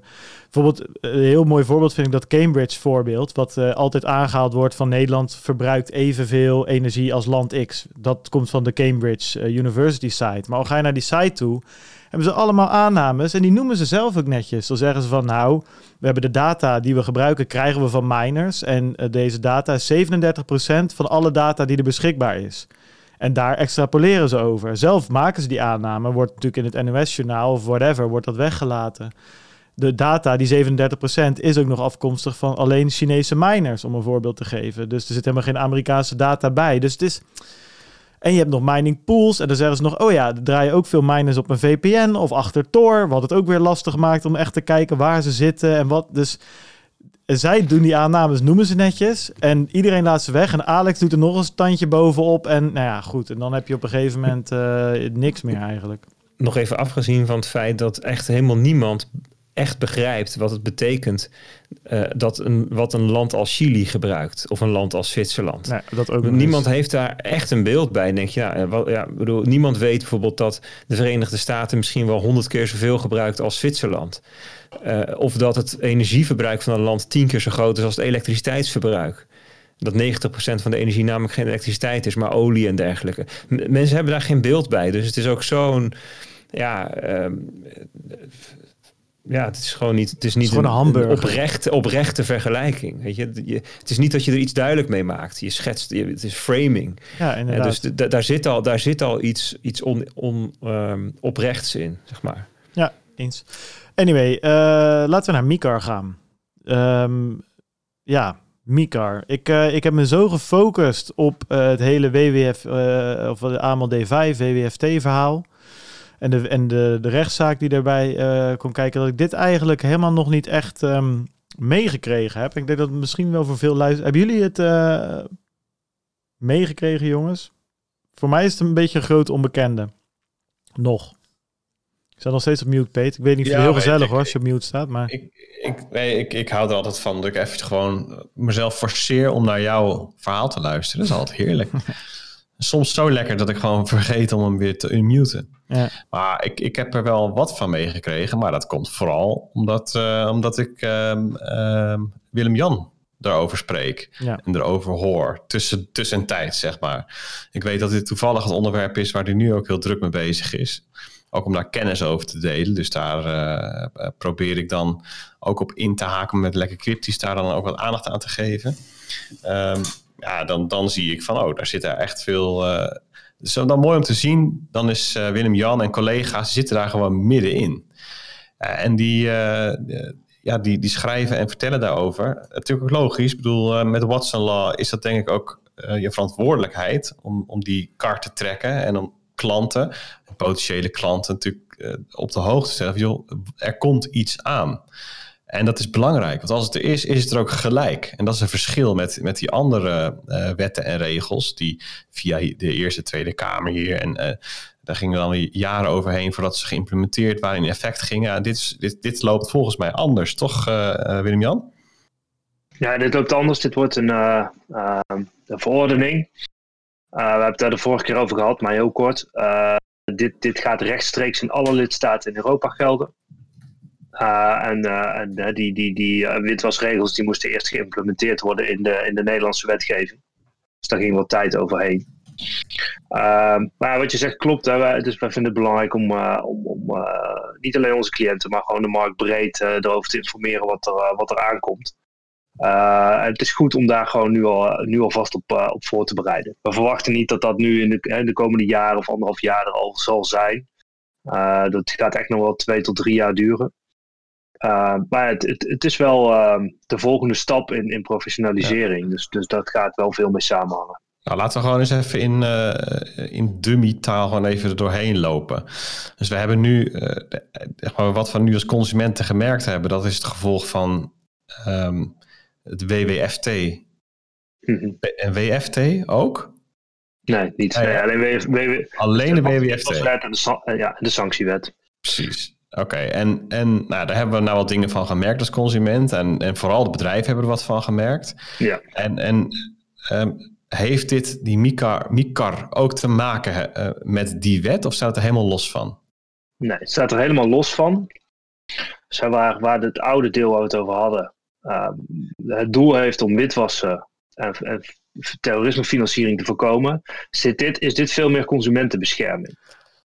Dus, dus even, de, de, het een van de twee belangrijkste dingen er, uh, eruit te pikken dat is, er komt een vergunningplicht eigenlijk voor iedereen die zich beroepsmatig met crypto gaat bezighouden. Dat, dat klinkt heel breed, maar om een heel concreet voorbeeld te noemen, uh, de, de, de Bitcoin brokers nu, die, die, uh, die wisselen, die zullen, daarvoor, die zullen daarvoor een vergunning nodig hebben van de AFM. En om die vergunning te krijgen moet je, moet je uh, laten zien dat, dat jij bijvoorbeeld de cliënt, de klant centraal stelt. Dus dat, dat jouw dienstverlening erop is gericht om klantvriendelijk te zijn, veilig te zijn. En dat jij de klant daar goed over de risico's uh, informeert. Uh, goed informeert over de kosten bijvoorbeeld. Dus dat ziet, is veel meer. De, de klant gaat daar wel uh, in die zin. krijgt daar meer rechten van. En zal dat door beter geïnformeerd moeten worden. Ehm, en, en hoe werkt dat dan? wat voor soort informatie gaat het dan om? Nou, we hebben het bijvoorbeeld eh, over wat, wat duidelijker wat, wat de kosten zijn. Uh, uh, meer gewezen worden op, uh, op koersrisico die ze lopen als, als ze bitcoin aankopen. Ehm, en het is ook wel veel, een, veel formele informatie. Hoor. Dus, dus wat het bedrijf precies is, waar het gevestigd is, wie erachter zitten. Maar stel, stel je hebt nu bijvoorbeeld een Anycoin Direct of een Bitcoin Meester of een Blocks. Wat, wat zou er dan, dan anders zijn dan, ten opzichte van hoe, hoe ze nu dingen presenteren of aanbieden of met de markt interacteren? Nou, ik denk dat, dat voor die, die bedrijven, dat, dat zijn goede, serieuze bedrijven, dat die al veel hebben. Uh, maar uh, dus die informeren hun klanten al goed. Die, het is al duidelijk dat dat Nederlandse BV's zijn die hier actief zijn. Um, dus, dus ze zullen eh, veel, veel van die regels die daarvoor gaan komen, zullen ze aan voldoen. Maar sommige dingen moeten ze, zullen ze nog concreter moeten gaan doen of beter gaan doen. Bijvoorbeeld, ehm, nou, wat ik zei, duidelijker nog zijn over de kosten. Ehm, nog duidelijker wijzen op risico's die verbonden zitten aan, aan de transactie. Dat is wat je er van buiten echt, echt van merkt. en voor de bedrijven zelf geldt dat ze ehm, nou, nog meer focus, wat ik zei, moeten hebben op het centraal stellen van, uh, van de belangen van, van de klant. Maar daar, ja, dat zijn interne processen waar de klant zelf niet heel veel van merkt. Dus, eh, want ik heb hier ook wel eens in deze context iets over een prospectusplicht gehoord. Is, hoort dat hierbij? En, en is dat dan ook een voorbeeld van informatievoorziening die je dan als consument kan raadplegen of zo, waar je gebruik van kan mhm. maken? Ja, ik zei net een van de twee belangrijke dingen. Dus, dus de vergunningplicht voor, voor dienstverleners. Uh, dan schakelen we nu over naar het andere onderwerp. Dat ziet op bijvoorbeeld uh, uh, bedrijven die nieuwe crypto assets, zoals het in de regelgeving heet, nieuwe tokens zouden aanbieden aan het publiek. Die moeten een soort prospectus gaan, gaan maken. En dat is dan, in de regelgeving wordt het een whitepaper genoemd. Ehm, en daar moet, dat moet voldoen aan bepaalde voorwaarden. Er moet bepaalde informatie uh, over de token in staan. En, en, en wie maakt die prospectus voor Bitcoin dan? ja, dat is een hele goede vraag. Nou ja, Bitcoin wordt, wordt niet aangeboden. Dat, uh, je kunt uh, Bitcoin. Is er gewoon. het is er gewoon, ja. Nou ja kijk, dat, dat is natuurlijk bij deze. Bij dit, dit is gewoon de olifant in de kamer bij, bij het reguleren van de cryptomarkt. Er is gewoon één eh, heel duidelijk project wat, wat, wat er qua decentraliteit en, en qua um, van het feit dat er niet een, een organisatie achter zit, helemaal anders is dan anders. Ja, dus, dus je, je, dat valt niet zo snel in een hokje te plaatsen. Dus, dus, dus het, is, het is in mijn beleving ook niet het doel van deze regelgeving om Bitcoin te gaan reguleren. Wel iedereen die diensten verleent die samenhangen met Bitcoin. Dus als je gaat adviseren aan uh, consumenten over of zij of ze wel of niet Bitcoin moeten kopen, of als je producten op het gebied van vermogensbeheer gaat aanbieden, en dan heb je daar een vergunning voor nodig. Dus, dus even. Maar stel, Bitcoin zelf is. Ja. Stel wij met Satoshi Radio gaan een token uitbrengen, echt een shit token, weet ik veel, SR coin. En dan zijn wij verantwoordelijk voor de prospectus, toch? Correct. En, en een broker waar je SR-coin kan verhandelen, die hoeft op zich niets te doen met zo'n prospectus. Klopt dat ook? Ehm, om toegelaten te worden tot de handel, zoals dat heet, uh, heb je een prospectus nodig. Dus zij, uh, zij zullen wel moeten controleren dat, dat jouw prospectus aan de regels voldoet. Maar ze hoeven er zelf niks mee. Nee, nee precies. Dus daarom, uh, dus Bitcoin kan ook gewoon verhandeld blijven worden, ook al is er geen prospectus. Ja. ja. Beetje hetzelfde als. ja, wat, wat zie jij dan bij. ik neem even aan dat je de ontwikkeling van die regels, de totstandkoming ervan best wel op, op, op de voet volgt zien zij, zij de, de, de, de, de menigte die gaan over het tot stand komen van dit soort dingen. Bitcoin dan ook meer als grondstof of zo? Het is er gewoon? Ja, het is ver accompli. En, ja. ja, precies. Ah, ja, dat is wat ik zei. Ja, het, is, het, is, het is iets decentraals, ongrijpbaars. Je kan, je kan dat niet reguleren. Volgens mij heeft, was dat iemand van, de, van die ook uh, een uh, commissioner van de SEC die zei: ja, er is maar één manier om Bitcoin uh, te stoppen en dat is door het hele internet uit, uit te schakelen. Dat, ik ben wel benieuwd dat hoe ze dan laten reguleren. Hoe ze dan aankijken tegen decentralized finance, eerlijk gezegd. Want, want daar heb je wel meer te maken met uitgevende partijen. Zeker in het begin. Dus zeg maar, mhm. Er zijn veel duidelijker mensen bij betrokken dan, dan bij Bitcoin. Dat, ja, er zijn ook mensen bij betrokken, maar echt niet bij de governance mhm. of zo, of bij de uitgifte ervan. Eh, haakt Mikar daarop in? Of is dat ook nog een soort olifant in de kamer? Van het wordt gewoon niet, niet aangeraakt.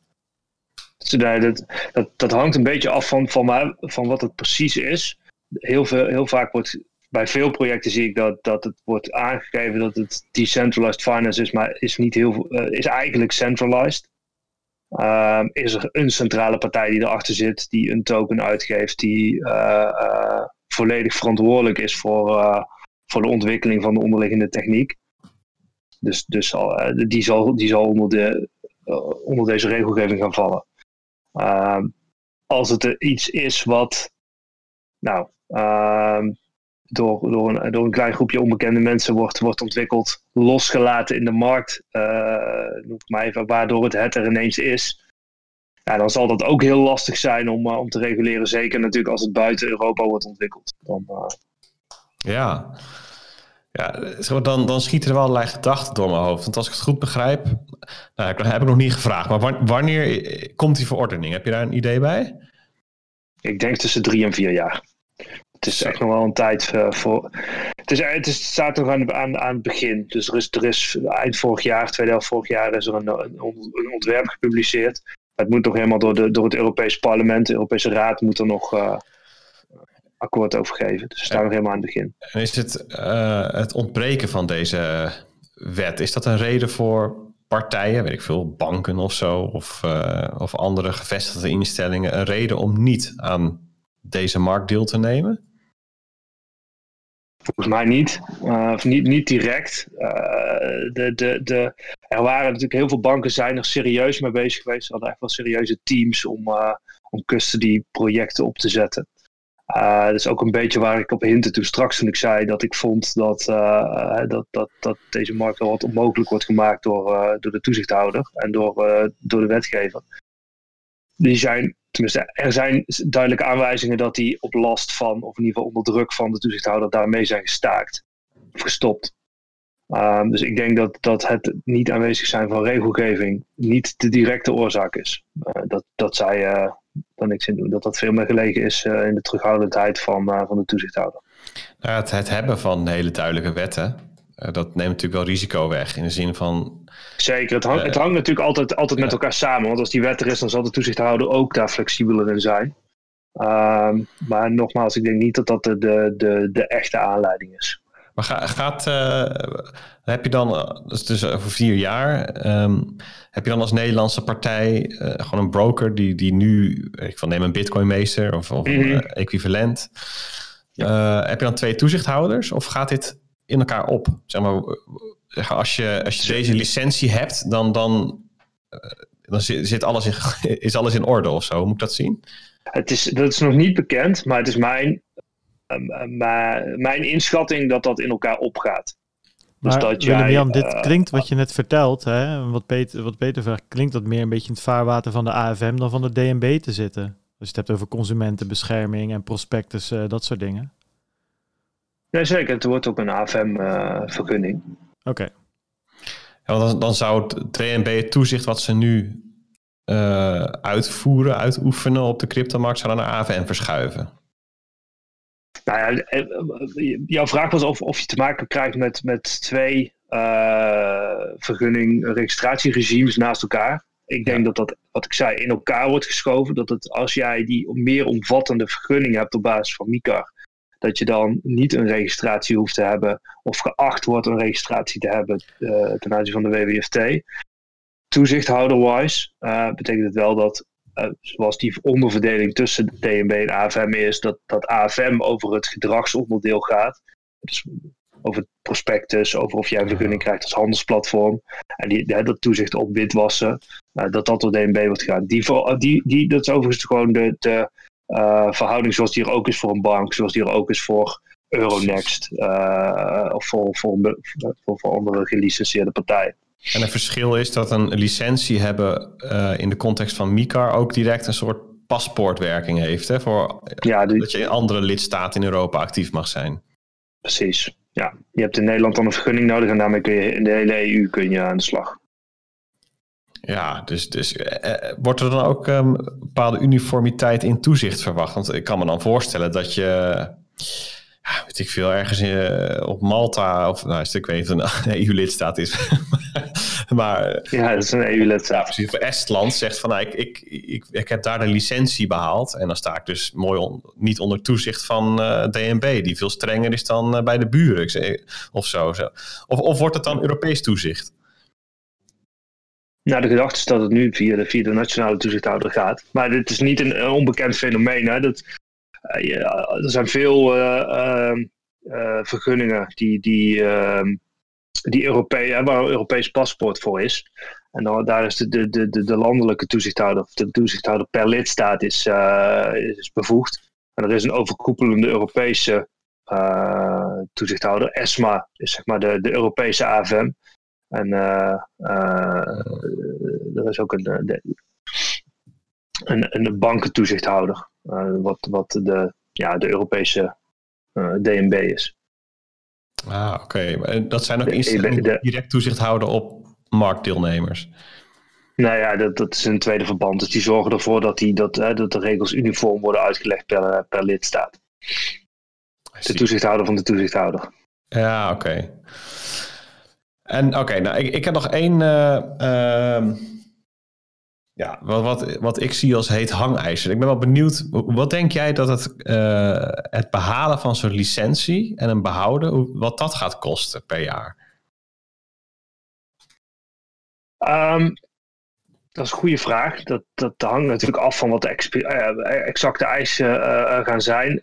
er wordt een inschatting gemaakt door, ehm, door de Europese Commissie zelf. En als je die bedragen ziet, dan, dan sla je echt achterover dan dat varieert dat van, van 1 tot 2 miljoen euro tot soms wel 10 miljoen euro. Wat het zou kosten om zo'n licentie te krijgen. Zo'n vergunning te krijgen. Dat, dat, is, dat is denk ik niet, uh, of dat, dat is niet reëel. Uh, dat is wel reëel als je het hebt over partijen van de grootte van ABN AMRO of ING. Dat zijn natuurlijk gigantische organisaties. Als je het hebt over MKB-bedrijven, dan, dan moet dat voor een fractie van, uh, van dat kunnen. En als ik zie hoe de plannen nu zijn, uh, dan denk ik dat het serieus geld kost, maar niet in de orde van grootte die die ik net noemde. Uh, maar dat dat wat meer zal zijn aan kosten die ze moeten maken om, om, om hun processen te updaten dan, dan het was voor, uh, voor die registratie. Uh, maar dat, dat het daar wel bij blijft. Ben je dan bezig met het voorbereiden van Nederlandse marktpartijen nu? Van joh, daar moet je wel nu mee bezig zijn, want het kan maar zo een, een veelvoud van de kosten zijn die je nu betaalt aan DNB. Is, is dat wel haalbaar? Nou, we zijn er vooral mee bezig met, met de cliënten die we hebben om, uh, om, uh, puntje, uh, om als er een bedrijfsonderdeel wordt geüpdate, als we daar een professionaliseringsslag doorvoeren. Nou, dan kijken we natuurlijk met, met, met een schuin, of met meer dan een schuin ook naar wat, wat, wat de eisen gaan zijn in de toekomst. En dan zorgen we ervoor dat dat onderdeel gewoon alvast ehm, compliant is. Dus dat ze eigenlijk al vooruitlopen daarop. Ik, ik heb eh, best wel wat uh, uh, mensen gesproken afgelopen maanden, nou, afgelopen jaren eigenlijk, over DNB, over, over het ondernemersklimaat in Nederland en de houding van DNB ten aanzien van de markt. Mhm. En ik, ja, toch wel een rode draad is de, de strengheid en, en de politiestaatachtige eigenschappen die men ervaart. Uh, met daarbij de kanttekeningen van, joh, als je uh, over de grens is het al heel anders. Laat staan in andere Europese landen. Denk jij dat uh, de komst van MICAR ook een verandering van dat klimaat in Nederland betekent? Of misschien een vraag daarvoor, herken je dat?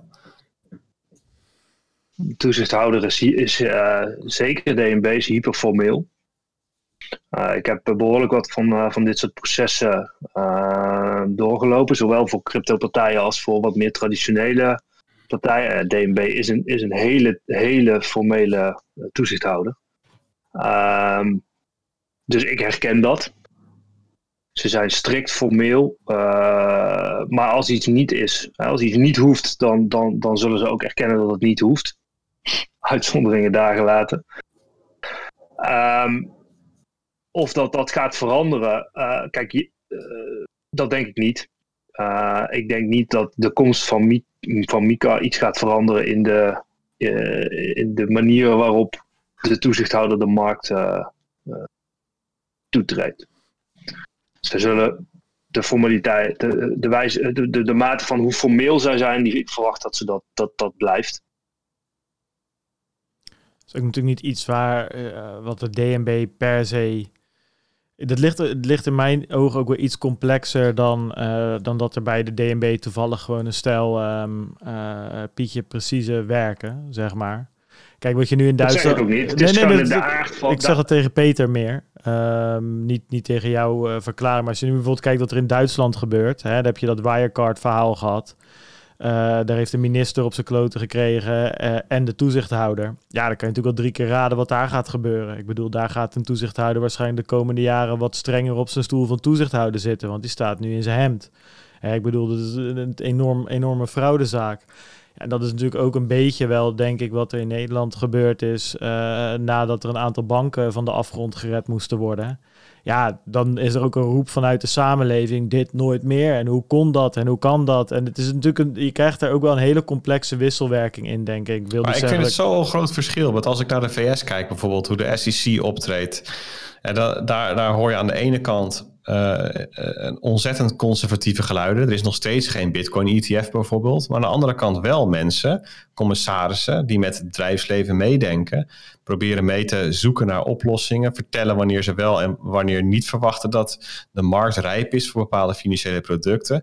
Zeg maar, er is toch een heel andere. Uh, ja, heel andere omgeving, andere sfeer die er hangt, krijg ik de indruk. Ja, aan de andere kant gaan ze wel uh, met een SWAT-team de grens over om die, uh, om die gozer van, uh, van die derivaten-exchange uit, uit zijn hol te trekken aan de andere kant van de wereld. Weet je, die Arthur Haynes of zo van, van Bitmax. Van Bitmax. en, en ze hebben natuurlijk ook wel op die, op die ICO's, daar zijn ze op een gegeven moment ook wel echt, daar zijn ze niet achteraan gegaan van wil je dat voortaan niet meer doen waren flinke schikkingen, hebben daar ook wel gezien. Oké, maar dat vind ik anders. Bedoel, dan is de conclusie, er is iets strafbaars gebeurd en dan, dan wordt er opgetreden. Maar dit, dit gaat over hoe ga je met innovatie om? Zeg maar, ja, maar hoeveel ik, ruimte is er voor innovatie? Ja, maar dat is wel dat ze, dat, dat is een scheidslijn die dicht bij elkaar zit. Uh. Ja, en ik vind ook wel, kijk, ik, ik, ik, ik ik zie die punten ook wel hoor, Peet. En dan ben ik ook wel met je eens. Alleen ik vind, die, ik vind dan, dan toch, denk ik, dat we wel een slag om de arm moeten trekken om Amerika en de dingen die we daar ook van meekrijgen. Uh, uh, zo direct te vergelijken, zeg maar. Hè? Want als je natuurlijk kijkt, is niet voor niks de United States of America. Dus het, het verschilt heel erg per staat. Je hebt een aantal staten die zich proberen te differentiëren of een nieuwe techstaat te worden. Door dan juist iets wat uh, uh, niet echt geadopteerd wordt, blijkbaar in Silicon Valley, om dat dan wel te doen in een andere staat. We hebben natuurlijk uh, volgens mij Texas gehad en we hebben Florida gehad en die andere Wyoming. Ja, dat, het, die, nou, daar zie je nou regulatory arbitrage in een land, zeg maar, eigenlijk. Dus omdat ja, wat, dan... wat, ik, wat juist goed, dat lijkt me een heel positief effect hebben. Dat is ook heel positief. Alleen dat kan wat moeilijker in Nederland. En je ziet het dan misschien wel in Europa een beetje gebeuren.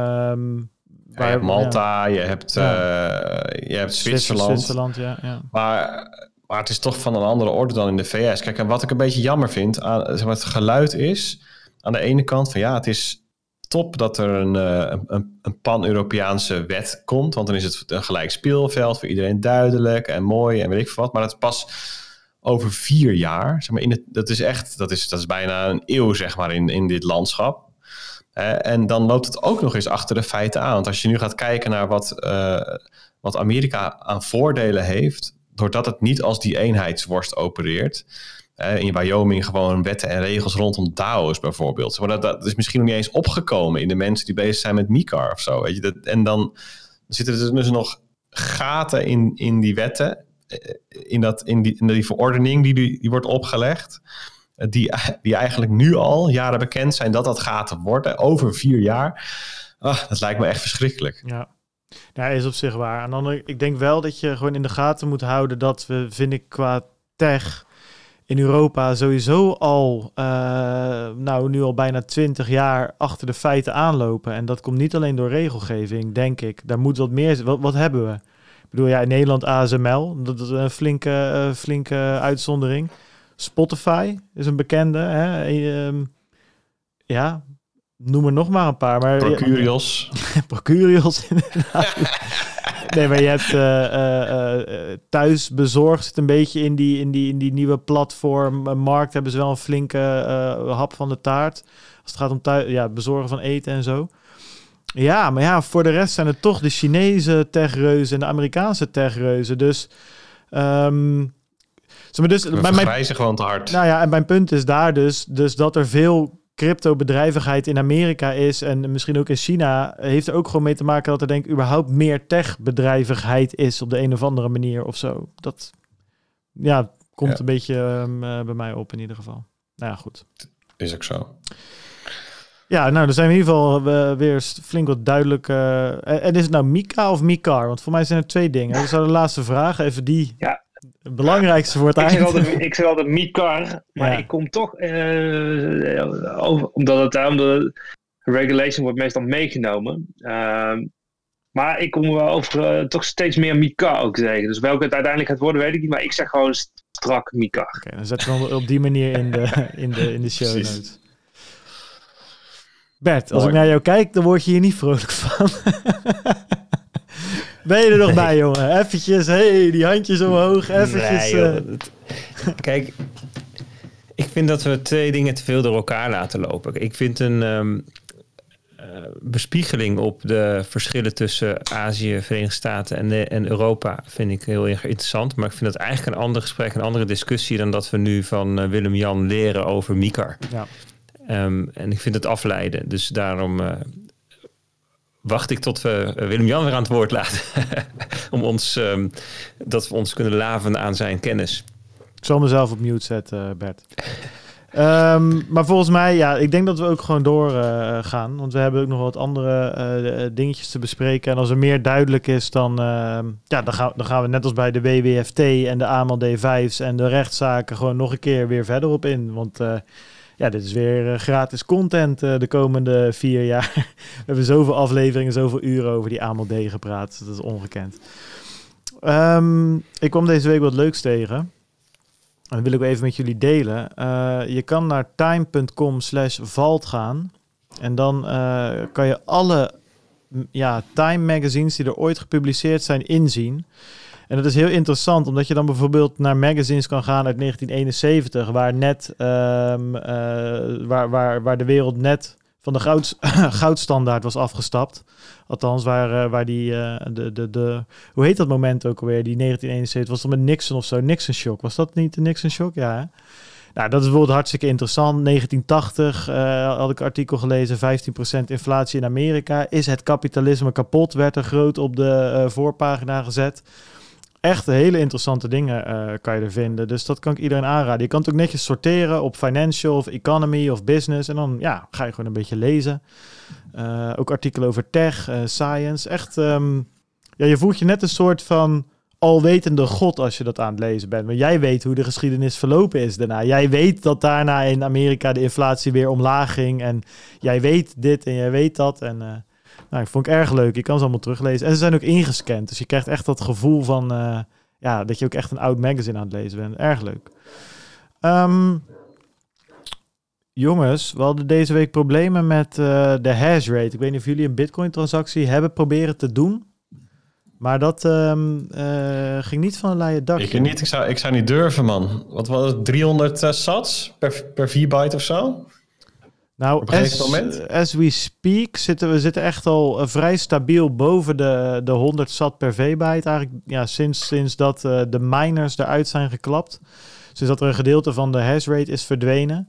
Maar inderdaad, ik, ik las een bericht op Coindesk, die heb ik er ook ingezet. Daar hadden ze het op een gegeven moment uh, over transactiefees op een all-time high. Average fee van 60 dollar.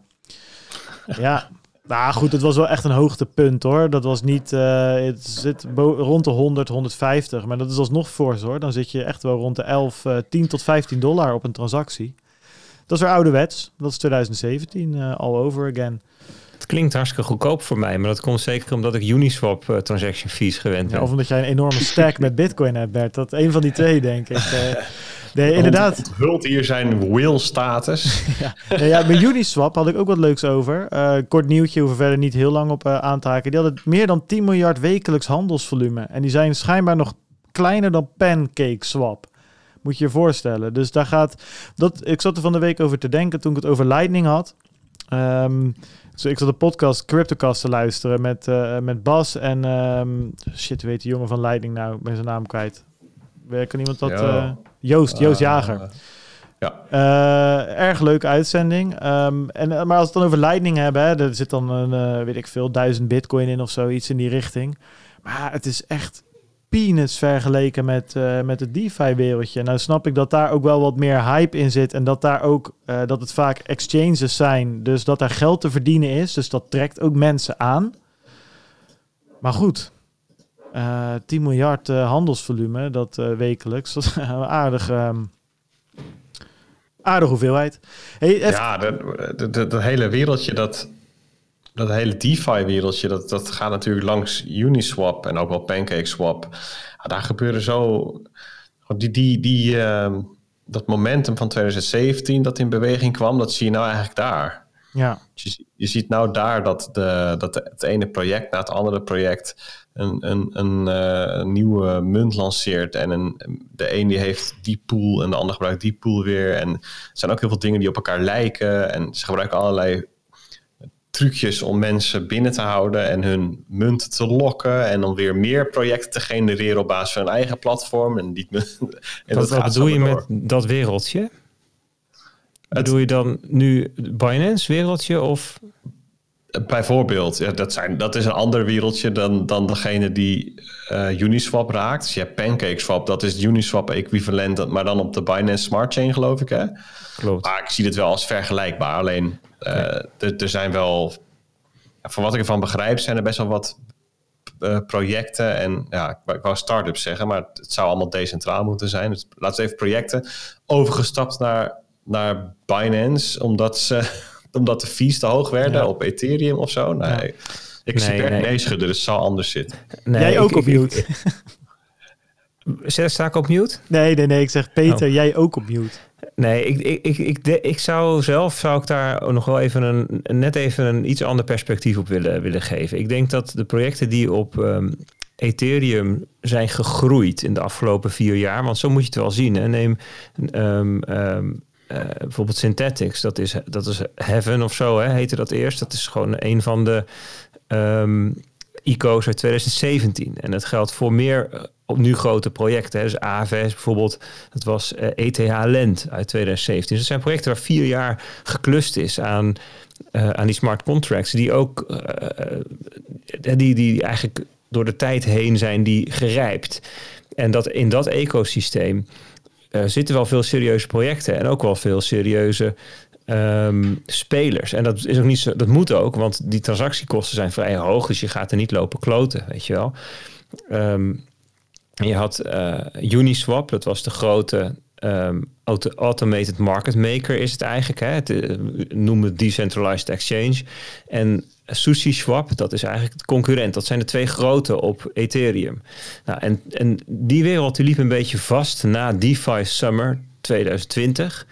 En dat was die tijd dat de, de total value locked van nou 500 miljoen naar uh, eh, 20 miljard of zo ging. Echt in korte tijd groeide dat echt enorm. Um, Jurn en zo, die ineens ontzettend veel waard was. Dat liep toen vast op die transactiekosten van Ethereum. En wat je nu ziet is dat um, eigenlijk al die projecten één op één gekopieerd worden op Binance Smart Chain. Dat is één ding wat je ziet. En dat zijn allemaal mensen die gewoon die code pakken van, van GitHub en het dan copy-pasten en deployen op Binance Smart Chain. En Pancake Swap, wat Peter zegt, dat is inderdaad gewoon een kopie van Uniswap. Maar ook allerlei andere projecten, die worden gewoon gecopy-paste. Oh, dat is een leuk projectje op uh, um, uh, Ethereum. Maar dat copy-pasten we naar uh, PancakeSwap, uh, naar, naar Binance. Um, dat is wat anders dan dat serieuze projecten nu um, zeggen we, gaan, we worden multi-chain. dus er zijn ook allerlei projecten die zeggen wij deployen naast Ethereum ons ook op Binance Smart Chain en ook op Polkadot en ook op Neer. En die, die, die, die, die zeggen we gaan dat allemaal tegelijk doen en, en ook via tweede laagsoplossingen. En er, is, e-, er is echt een fundamenteel verschil tussen die, die, die serieuze projecten die al vier jaar bezig zijn, die nu kijken van hoe, hoe kunnen we omgaan met het vraagstuk schaalbaarheid. Dus ze gaan in tweede laagsoplossingen denken, ze gaan sidechains proberen, ze gaan uh, multi-chain um, uh, oplossingen doen. Dat is wat anders dan dat die projecten gewoon gecopy-paste worden naar Binance Smart Chain. Dat, dat zijn echt wel twee verschillende dingen. En wat ik zie gebeuren nu, um, is dat er dus al die projecten worden gekopieerd en die worden dan gepumpt en op een gegeven moment dan uh, oh ja, toch weer, dan heb je toch van die rug pools noemen ze dat. Hè? Dan die, de, de starters die stappen eruit en poeft is weer weg. Hè, dus, dus wat je nu op, op Binance bijvoorbeeld ziet, dat is dat er ontzettend veel rommel is. Gewoon uh, scams. Uh, nou ja, dat is echt wel weer 2017 all over again. Die scams en die kopieën. Maar het feit dat die grote projecten um, schaalbaarheid op allerlei manieren proberen op te lossen, dat vind ik niet 2017 all over again. Dat vind ik zoeken naar andere manieren hè, om, om, om de bottleneck waar ze tegenaan liepen, om daarmee om te gaan. Um, ik zie nu overigens gebeuren dat ook Binance Smart Chain tegen de limieten aanloopt. Ja, dat moest natuurlijk een keer gebeuren. Dus ik, ik geloof dat het 20 servers zijn allemaal in bezit van CZ. En die zijn nu ook vol. of die, die, die, die blokken zijn nu ook vol. Uh, dus ja, er is meer volume op um, Pancake Swap. Ja, dat komt ook een beetje omdat er dus gewoon allerlei kulprojecten daar. Uh, uh, bots daarop zitten te handelen. En dat kan ook, want, want die transactiekosten zijn hartstikke laag. Dus ontstaat er ook allerlei spam. Eh, hoge transactiekosten heeft ook als voordeel dat je alleen maar die transactie doet als, je ook dat, als het ook daadwerkelijk een functie heeft. En als de transactiekosten bijna weg zijn, ja, dan kan je ook gewoon gaan zitten spammen.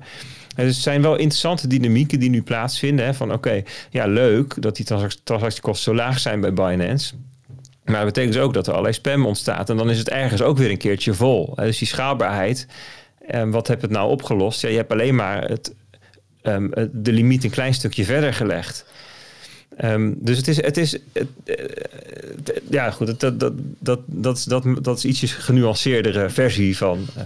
Nou, ik zie in die zin wel parallellen dat je in 2017 natuurlijk ook, ook echt heel veel projecten had die gericht waren op het oplossen van, het, van een schaalbaarheidsprobleem. Dat noemden we dan blockchain versie 2, 3, 4. allemaal, allemaal, allemaal andere soorten consensusprotocollen allemaal, allemaal kopieën van elkaar in een ander jasje. Allemaal ICO's. Ja, in, in die zin vind ik het wel vergelijkbaar. Maar ik niet wil zeggen dat er niks van, uh, van innovatie overblijft of zo hoor. Want ik vind decentralized finance, wat daar gebeurt, wel echt een stuk interessanter dan wat er in 2017 gebeurde. Uh, maar goed, was een goede toevoeging inderdaad. Ja. Uh, bij, de, bij die bij opmerking over Ethereum transactiekosten. En dat er dan alleen maar, nou niet alleen maar, maar dat dat ook voorsorteert op nuttige transacties, moest ik wel even denken aan de, ik veel, een rode pixels NFT of zo. dat, uh, ja, dat is niet per se het toonbeeld van, maar ik begrijp wat je bedoelt. Mooi. Hey, ehm, nog even terug naar die, naar, naar die hash rate drop van Bitcoin. Want dat is denk ik toch wel even interessant om in ieder geval te benoemen wat daar gebeurde. Ehm, ja, in China, daar staan nogal veel van die miners. Uh, er is een aantal regio's zijn daar security accidents geweest uh, met koolmijnen, kolenmijnen.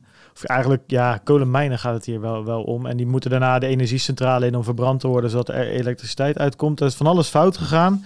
En er worden nu een soort van, ja, security checks uh, uitgevoerd. En uh, ja, terwijl dat gebeurt, wordt, uh, ja, is er geen elektriciteit, wordt, wordt er opgewekt.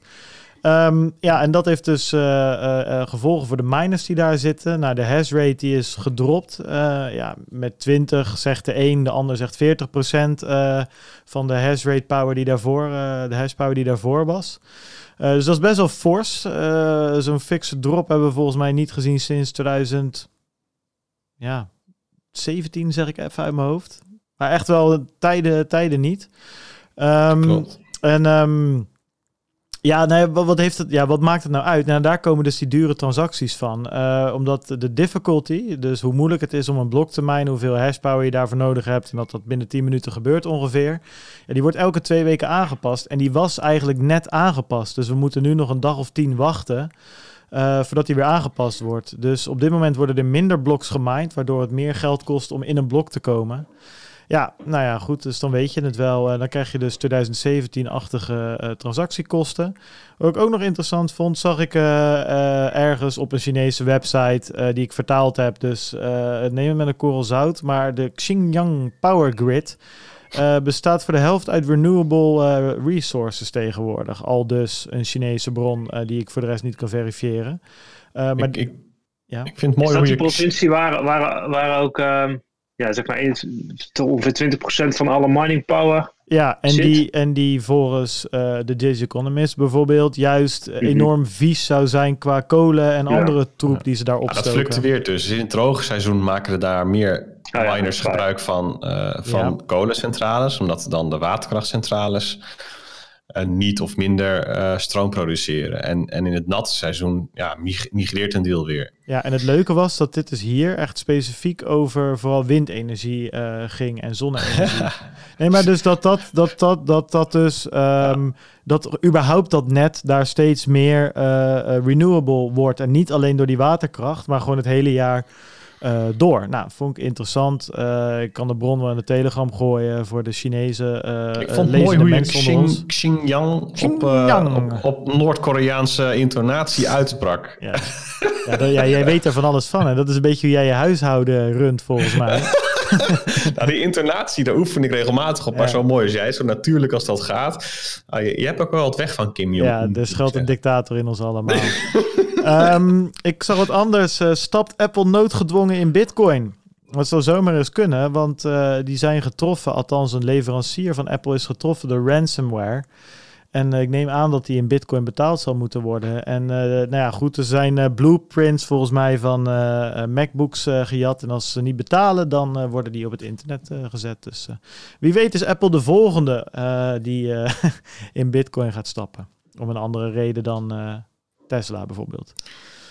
Ja, ja, ja. Ja, joh, gewoon een klein gedachtenspinseltje met een knipoog. Hoeven voor de rest niet heel lang bij stil te staan. Gewoon leuk. nou ja, geinig, grappig. Ja, ja ik, ik vind het toch vervelend, zeg maar, dat, uh, uh, dat de nuance... Er wordt, wordt altijd worden tussen... Um, tussen ransomware en, het, en de, het betaalmiddel, zeg maar, worden altijd alle schakels weggehaald om vervolgens ransomware en betaalmiddel aan elkaar te koppelen. Zo van, van Bitcoin is crimineel, want ransomware. Maar dat, dat, daar, dat vind ik wel vervelend. Vervelende nuance die elke keer ontbreekt. Dat doen we toch nu niet, of wel? Nee, nu niet. Maar dat, is, vind, ik, dat vind ik het vervelende aan uh, bedrijven die in het nieuws komen. die te maken hebben gekregen met een hack intern. Um, die los geld moeten betalen. En dan ja, gebeurt het ook regelmatig dat het in de vorm van bitcoin moet gebeuren. En eigenlijk wordt daar dan de focus op gelegd. En niet op het gebrekkige, zeg maar de, de, onderliggende problematiek. Ja. Uh, en en iedere, iedere keer dat dat in het nieuws komt, dat is, dat is zo, zeg maar, dat is de, weer bevestiging van zo'n ongenuanceerde verhaallijn. En dat heeft niet alleen het effect dat, uh, dat Bitcoin onterecht gekoppeld wordt aan, aan iets uh, wat er gebeurt uh, door mensen die, ja, door criminelen of hoe je ze ook wil noemen, die dat gewoon als betaalmiddel gebruiken. En de aandacht verschuift. die, dus de aandacht die op Bitcoin komt te liggen, zorgt er ook voor dat de, de aandacht niet op het probleem wordt gevestigd waar het wel op, op zou moeten gevestigd worden. De, de gebrekkige beveiliging. Uh, of in sommige gevallen ook um, de gegevens die mensen maar achterlaten bij bedrijven. Eh, de persoonsgegevens die op straat komen te liggen omdat er niet betaald wordt. Maar daar, daar, aan de grondslag liggen gewoon bedrijven die het niet goed geregeld hebben. Nou, dus, dus, dus, dus, het raakt wel een beetje een... Uh, ja, het raakt jou zo te horen. Ja, ik, ik, ja, ja. Dus stapt Apple noodgedwongen in Bitcoin. Ja, ik hoop, ik, ja, ik mag hopen dat het niet nodig is. Nee, nou oké. Sorry, Peter. Ja, oké. Goed zo. dan ga je gewoon een leuk gebbetje. Ik ben het helemaal met je eens verder. Ja, blijkbaar. Ja. dat ja. Uh, wederzijds hoor, over het algemeen. Ja. Um, Uh, daar hebben we nog, er kwam van de week weer van alles, in, uh, van alles in het nieuws. Um, ja, wat, wat weer in ons straatje past. Althans, waar we het vaak zat over gehad hebben. Ik zal zo even onder elkaar gewoon uh, doornemen. En dan moeten we kijken of we daar wat over wilden zeggen. banken geven aan dat negatieve rente voor kleine spaarders inmiddels niet meer uitgesloten is. de AFM die wil de studieschuld bij het BKR registreren, omdat anders de hypotheekschulden de pan uitreizen. Uh, Corné van der Zijl, dat is voor mij een, een beursanalist, zal bij RTL zijn, maar niet, of nou, ergens anders, FD kan ook. Die begint over de inflatie op de houtmarkt. CBS, die, die luisteren blijkbaar ook. Die komen terug op een, of die komen terug, die, die hebben een nieuwe rekenmethode en komen erachter dat de vermogensongelijkheid toch wel groter is dan gedacht. Um, ja, dus er, er was weer van alles rondom het topic uh, inflatie, geld, uh, lenen, rentes en dat soort dingen. Um, nou Bert, nou heb jij bijvoorbeeld bij het, het stuk van uh, Corné had jij een, een, kleine nuance volgens mij. Want Corné pakt puur de houtprijzen die enorm gestegen waren. Volgens mij heb jij naar de commodities gekeken. Ja, Corné van Zijl is overigens analist bij Actiam. Ah, Even voor de om, om hem uh, recht te doen. Um, ja, hij de, deed een grafiek met de, de, de houtprijzen lumber. Um, en dit zie je ook veel, al, al een paar weken zie ik dit langskomen op Twitter, ook bij crypto Twitter, van mensen die, die dan plaatjes laten zien van prijskaartje van uh, timmerhout van een jaar geleden en van nu. En dan daarbij bitcoin fixes this en inflatie bla bla. En het is wel sowieso geld voor het hout als je kijkt dat precies een jaar geleden zat je ook op het ultieme dieptepunt. Dat is ook een beetje alsof je de olieprijs van, uh, wat is het, 18 maart vergelijkt met 18 maart nu. Die was toen negatief of zo, weet je wel. Ja, dan pak je, dat is ook wel een beetje selection bias. Maar überhaupt, als je ietsjes breder kijkt dan specifiek dat hout naar um, um, inderdaad uh, commodities in de breedste zin Um, bijvoorbeeld de CRB, dat is een, een commodities index. Um, en je zoomt wat verder uit. 25 jaar bijvoorbeeld, dan staat die index nu op 205 en die was een jaar geleden stond die op 120. Dus dat is bijna 100% stijging. Hè? Ja, het zijn ontzettend hoog geworden. Maar als je dan um, nog weer een jaar verder terugkijkt, stond hij ook ongeveer rond de 200. En als je dan nog een jaar terugkijkt, ook op 200. Dus, dus hij staat nu gewoon op het niveau van 2019, 18, 17. Maar kijk in 2013 bijvoorbeeld, stond hij op 300. En kijk in 2011 stond hij op 350 en in 2008 zelfs op 450. En dat is dus bedoel, het is ook maar net even waar je naar kijkt. Dus als je verder uitzoomt, ja, dan valt het met die commodity prijzen nog wel mee. En in die CRB zitten bijvoorbeeld ook aluminium en uh, cacao, koffie, koper, um, corn, mais, dus katoen, olie, weet je wel. Dus gewoon als je even allerlei grondstoffen pakt, ja, dan valt het op zich wel mee. Hè. Die grafiek van Corné, die suggereert dat we nu, nou ja, die, die zet eigenlijk um, 300 van vorig jaar tegenover 1300 van nu. En dan, dan, dan ziet het eruit alsof we Weimar ingaan. En in dat geval moet je dus altijd wel eventjes uitzoomen of en het grotere perspectief pakken. Ja, en wat, jij, ik de, ja, en wat, Jij ook, wat jij ook heel terecht zegt, is dat dit. Uh, uh, dat ben ik met je eens dat, dat wat ik uh, op Twitter inderdaad ook wel zag, dat daar best wel ja, bijna blij opgesprongen wordt van zie je wel, daar, daar is de inflatie die wij al jaren voorspellen en uh, met Lagarde, met de printer, zie je wel, zie je wel. En kijk, wat ik wel leuk vond, ook in onze groep, in onze Telegram groep, daar hebben we bijvoorbeeld John de Vleermuis in zitten. En John die zit toevallig, nou die zit niet toevallig, maar die zit in China. En die werkt ook in een sector waar er dingen over de wereld gestuurd worden met zeecontainers. En die geeft aan, ja maar jongens, er is nog steeds een gebrek aan zeecontainers. Die dingen zijn amper te krijgen. Als we ze moeten huren, zijn ze vijf keer zo duur.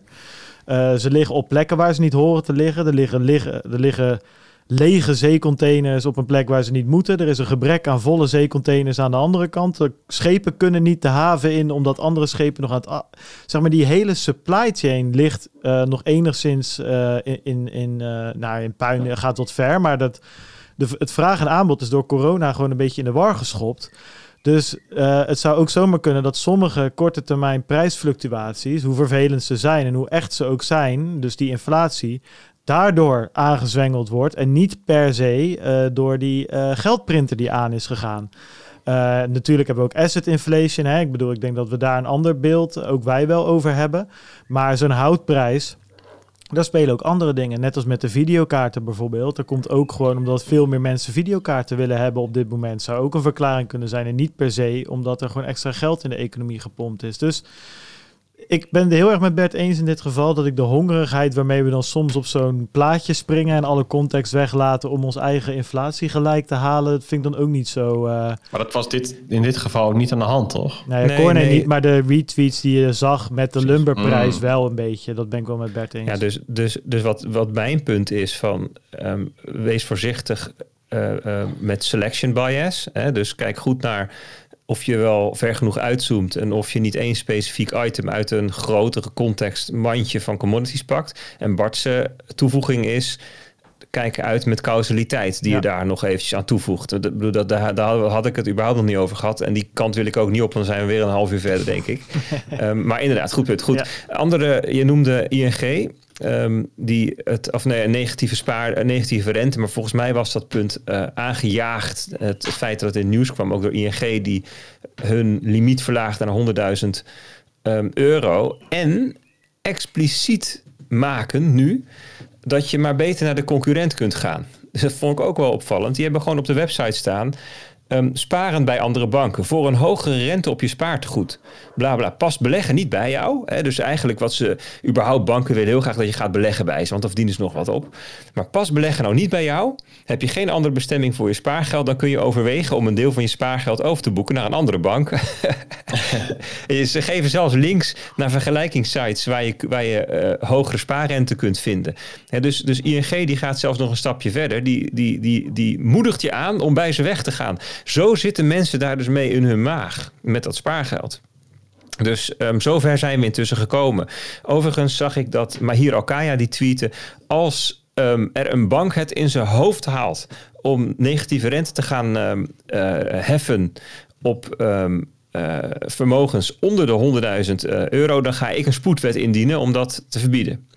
Dus nou ja, dat gaan ze ongetwijfeld wel proberen. De vraag is even welke bank dit als eerste in zijn hoofd haalt. En dan gaan we zien. Nou ja, ik, ik ken me hier een heel klein beetje. En hij zal het ongetwijfeld uh, de daad bij het woord voegen. En dan ben ik benieuwd wat er gaat gebeuren. Dus dit, um, dit krijgt nog wel weer een staartje.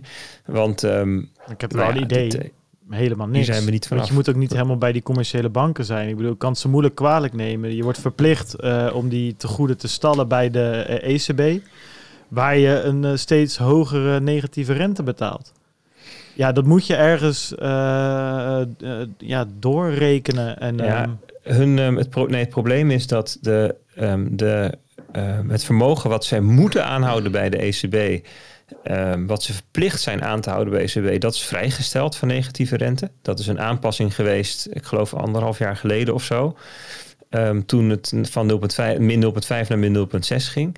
Dus het gaat om dat het, dat het geld wat zij bij de ECB aanhouden boven die grens. En dat, dat gaat dus over het excessieve kapitaal. Dus het, het spaargeld dat ze te veel hebben. Daar zitten ze mee in hun maag. En vorig jaar is er 42 miljard euro door Nederlanders extra aan, spaar, aan onze spaargeld toegevoegd. Dus banken zitten gewoon met een overvloed aan spaargeld. Wat ze, um, dat is waar ING last van heeft. Die, die, die, die, die, die overvloed. Hè, als dat nou ja, nog enigszins in proportie is, dan, dan is het allemaal wel oké. maar ze hebben gewoon te veel. Ja. Dat willen ze kwijt. Maar goed, uh, interessant. We gaan het gewoon volgen. Maar goed, alsnog, daar kunnen zij niet zoveel aan doen, zeg maar. Het, het, het valt of staat. Ja, met, dat kunnen ze wel. Ze kunnen het uitlenen ja. aan anderen. Maar dat doen ze niet. Hmm. En sterker nog, ik zag vandaag in de krant staan dat um, banken verwachten dat, de, dat het alleen nog maar moeilijker gaat worden voor MKB'ers om te lenen. Dus MKB'ers die willen graag lenen, want ja, het gaat hartstikke slecht met MKB, maar het wordt alleen maar moeilijker. De regels worden strenger, de weet ik wat, allemaal moeilijk, moeilijk, moeilijk. Dus de uitleenkant is moeilijk, moeilijk, moeilijk. Maar ja, mensen komen wel met spaargeld aan. Ja. maar ook daar vraag ik me af, zeg maar, is dat dan de bank? Zeg maar, zitten er niet te veel mensen om die bank heen aan knoppen te draaien, waardoor die bank in een lastig. Uh, maar, een bank wil toch gewoon geld verdienen? Is gewoon een bedrijf uiteindelijk. Dus als die dat geld uit zouden kunnen lenen, zouden ze dat toch doen, zou je zeggen? I don't know. Ja.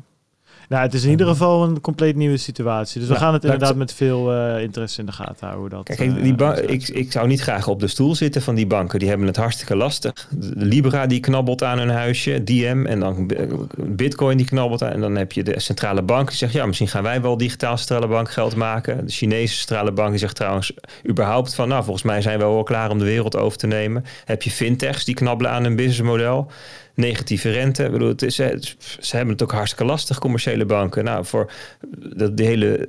Voor, ze, worden, ze worden poortwachter gemaakt. Hè. Ik bedoel, ABN Amro die heeft. Um, krijgt nu 480 miljoen boete of zo. Schikking is het overigens. Ja, schikking, ja. ja, ja dus ik geloof 300 miljoen um, is dan zeg maar de boete en 180 miljoen, dat is dan de bespaarde kosten, omdat ze niet in korte tijd 180 miljard mensen in dienst hebben genomen om die controles uit te voeren. Ja, ik bedoel, ze krijgen natuurlijk ook gewoon een hele hoop over, over zich heen, die banken. Dus goed, uh, ja. je kunt beter uh, onder leiding broker zijn. Gerrit Z. Ja, Gerrit. Ja. ja, het is, uh, het is uh, zo. En ik, ik wil ook niet die uh, commerciële bank het hand boven het hoofd houden hoor. Ik bedoel, die zeker op het moment dat ze wisten dat ze toch wel gered werden, hebben die natuurlijk ook allemaal dingen gedaan die daglicht niet kunnen verdragen. Dat is verder niet het punt. Maar ik denk uiteindelijk dat omdat iedereen zoveel regeltjes verzint en aan knoppen draait, nou ja, naïef intervention kan je het noemen. Dat, dat we maar denken dat we het elke keer kunnen fixen, terwijl het gewoon alleen maar verder. En dit zit natuurlijk innovatie ook weer in de weg. Dit soort boetes. Ik bedoel, ja, ja, nou ja, goed. Het is wel een beetje een cirkeltje waar, uh, waar, waar het wereldje in zit, ja. ja. En zijn wij straks met z'n vier een BKR-registratie rijker? Jazeker. Hoezo eigenlijk? nou ja, dat de studieschuld wordt, ja. wordt geregistreerd misschien. Oh ja, dan, nou ja, dan uh, niet rijker dan, want volgens mij sta ik al wel geregistreerd, maar... Um, Oh ja, heb je het toch even gecontroleerd? Ik heb het zeker gecheckt en het was wat ik verwachtte. Uh, roodstand. ja, ja, dat heb ik aanstaan, weet je. Gratis als je het niet gebruikt en handig als je het een keer nodig hebt. Uh, uh, en uh, ik had ooit een keer een consumptielening of zo. Ik weet niet precies, een consumptief krediet of iets in die richting. En dat blijft dan vijf jaar staan hè, als je het afgelost hebt. Het staat wel dat je het afgelost hebt, overigens. Maar uh, dat uh, staat er dan nog gewoon bij. Ik vind het wel weer grappig. Dan komt er zo'n nieuwtje langs. Dan, dan gaan we toch even met z'n allen in de community even checken hoe je, hoe je er zelf voor staat bij BKR. Nou, wat een brave borsten, jongen. Je zou toch denken, al die bitcoiners vol in de schulden. Want ja, ik bedoel, uh, inflatie, die schuld is niks meer waard. Maar hey, nee hoor. Niemand, gewoon niet eens een consumptief kredietje van een paar honderd nee, euro. Gewoon, uh, allemaal, joh, er is niks bekend. Maar ik, ja. ik zat ook te kijken, joh. Ik keek naar mijn eigen dossier en er stond helemaal niks in. Ja. Een beetje saai. Ja, een beetje wel, ja. Nee, ja, het ging natuurlijk over het nieuwtje dat uh, wie de AFM volgens mij, die wil dat de studieschuld uh, bij de BKR ook uh, zicht, of dat de studieschuld ook bij BKR zichtbaar wordt. Um, omdat natuurlijk nu dat soms verzwegen wordt bij het aanvragen van een hypotheek, waardoor mensen een, een te hoge hypotheek krijgen voor de lasten die ze kunnen dragen. Ja, kijk, op zich vind ik hier de insteek van de AFM helemaal niet zo gek hoor, overigens. Um, maar ook weer, dit is gewoon die interventie. En dat is dan puur op hun stukje van de taart waar ze wat willen doen. Hè? Consumentenbescherming, wat op zich ook prima is. Maar die hele de rest van de taart wordt niet naar gekeken. En die is compleet uit het lood geslagen. Het is niet voor niks dat mensen hun studieschuld niet aangeven uh, bij een hypotheekaanvraag. Dat is omdat ze anders geen huis kunnen kopen, weet je. Dat, dat is het punt. Dus ja, het, ah, ik ehm, vind het ook... Het haakt, het haakt allemaal een beetje in, in, in elkaar daarbij, hè. Het is, uh, lage rente. Dus het is dan hypotheekrenteaftrek die, die ook minder, minder zwaar drukt. Dus aflossingsvrij en dus meer risico, dus hogere prijzen. Het is, het is een beetje het haakt wat dat betreft. Uh, is dat een onderwerp waar, waar jullie het vaak over gehad hebben, maar waar ook veel bij elkaar komt. Ja, ik vind het in de context van consumentenbescherming ook een beetje discutabel. Want er zijn zat mensen die, kunnen, die, die, die mogen geen hypotheek afsluiten voor 900 euro in de maand. En dan moeten ze maar gaan huren voor 1400 euro per maand. Ja, en, dan, dat is ook zo. en dan blijf je zogenaamd uit de financiële problemen of zo. Dus ook vanuit de toezichthouder snap ik niet precies wat nou het, wat nou het doel ervan is. Ja, we zien het vaak misgaan met hypotheken. Ja, hoe vaak zie je het misgaan met huren die niet betaald kunnen worden? Ja, kijk, uiteindelijk wat, is het... Wat, wat, wil je dan? niet bij de restschuld kan blijven zitten. Of in ieder geval niet met de, voor de hele lening een restschuld kan blijven ja, zitten. Ik denk, maar, maar, maar Peet, voor de duidelijkheid, het is toch ook gewoon uh, simpel. In principe, als je het niet, uh, als je het niet zegt, dan pleeg je gewoon fraude. Ja, kan je, ik bedoel, op zich vraagt de AFM hier natuurlijk helemaal niks raars. Ik bedoel, je moet het toch al aangeven, waarvoor zou je het dan niet gewoon een BKR-registratie maken? Ik, het, nee, er zijn echt ook al heel veel mensen die hypotheken hebben die het nooit hebben hoeven aangeven. Nee, dat is bullshit. dat is echt, niet waar. In, in mijn tijd was het gewoon... Uh, tuurlijk, je, je zegt gewoon, ik heb een studieschuld... Maar werd het toch helemaal niet meegewogen bij de totstandkoming van je hypotheek? Dat was gewoon de, hoe het ging. Ja, nou, ja. Ja, dit is eh, zeg maar als je nu hè, hier, ja, denk geloof jou, dat, dat, dat, zeg ik niet. Maar als je hier nu met tegenargument komt van ja, maar we willen dit niet in het BKR omdat ik anders geen hypotheek kan krijgen, dan geef je eigenlijk aan dat je in de huidige situatie aanraadt om fraude te frauderen of zo. Weet je, ik vind het een beetje, de AFM vraagt die volgens mij niet, zo, niet zoveel raars. Het punt is dat die hele markt zo uit het lood geslagen is dat daar een enorm probleem ligt voor heel veel starters. Ja, maar goed. Um... Ja, alleen het probleem wordt niet opgelost door zo'n met, met zo'n maatregel. dat, dat het probleem wordt eigenlijk alleen maar prangender. Ja, inderdaad. Ja, omdat je mensen dwingt de, de legale weg te volgen. Maar dat legt het probleem nog verder bloot. Dat ben ik met je eens. Ja. ja. Nou ja. Ja, goed jongens. Het is allemaal wat. Het is ook niet allemaal makkelijk, hè? Het is helemaal niet makkelijk. Zo is het ook. Nee. dus uh, AFM die probeert even het eigen tuintje schoon te vegen. Ja, weet je, als, dan is dat in ieder geval mooi. denk ik. Ja, dat, die nieuwe rekenmethode van CBS, daar hebben we het vorige keer ook best wel lang over gehad. Die laten ja, ik, ik, ik vind eigenlijk, jongens, we zijn uh, twee uur en zes minuten bezig. Ik zou eigenlijk heel graag ook nog even wat van Bert horen over de markt. Want we hadden het het begin van de aflevering even over van... Uh, ja, dat het was voor de aflevering. Toen zei ik van, oh, ik zie best wel veel bullish dingen langskomen van analisten die zeggen, joh, het, het heeft er nog nooit zo goed voor gestaan. Instroom van gebruikers, ja. uh, dit is de bodem en goede signalen en dit en dat. En ondertussen de miners werken Bitcoin, nog. Eh, Bitcoin werkt gewoon zoals het hoort. En ondertussen zitten we onder de 50.000 zo ongeveer met die discrepantie tussen wat, wat er dan on-chain gezien wordt en, en wat er daarover geroepen wordt en wat we in de markt zien. Daar ben ik wel benieuwd naar. Ja, dat is wel bizar, hè?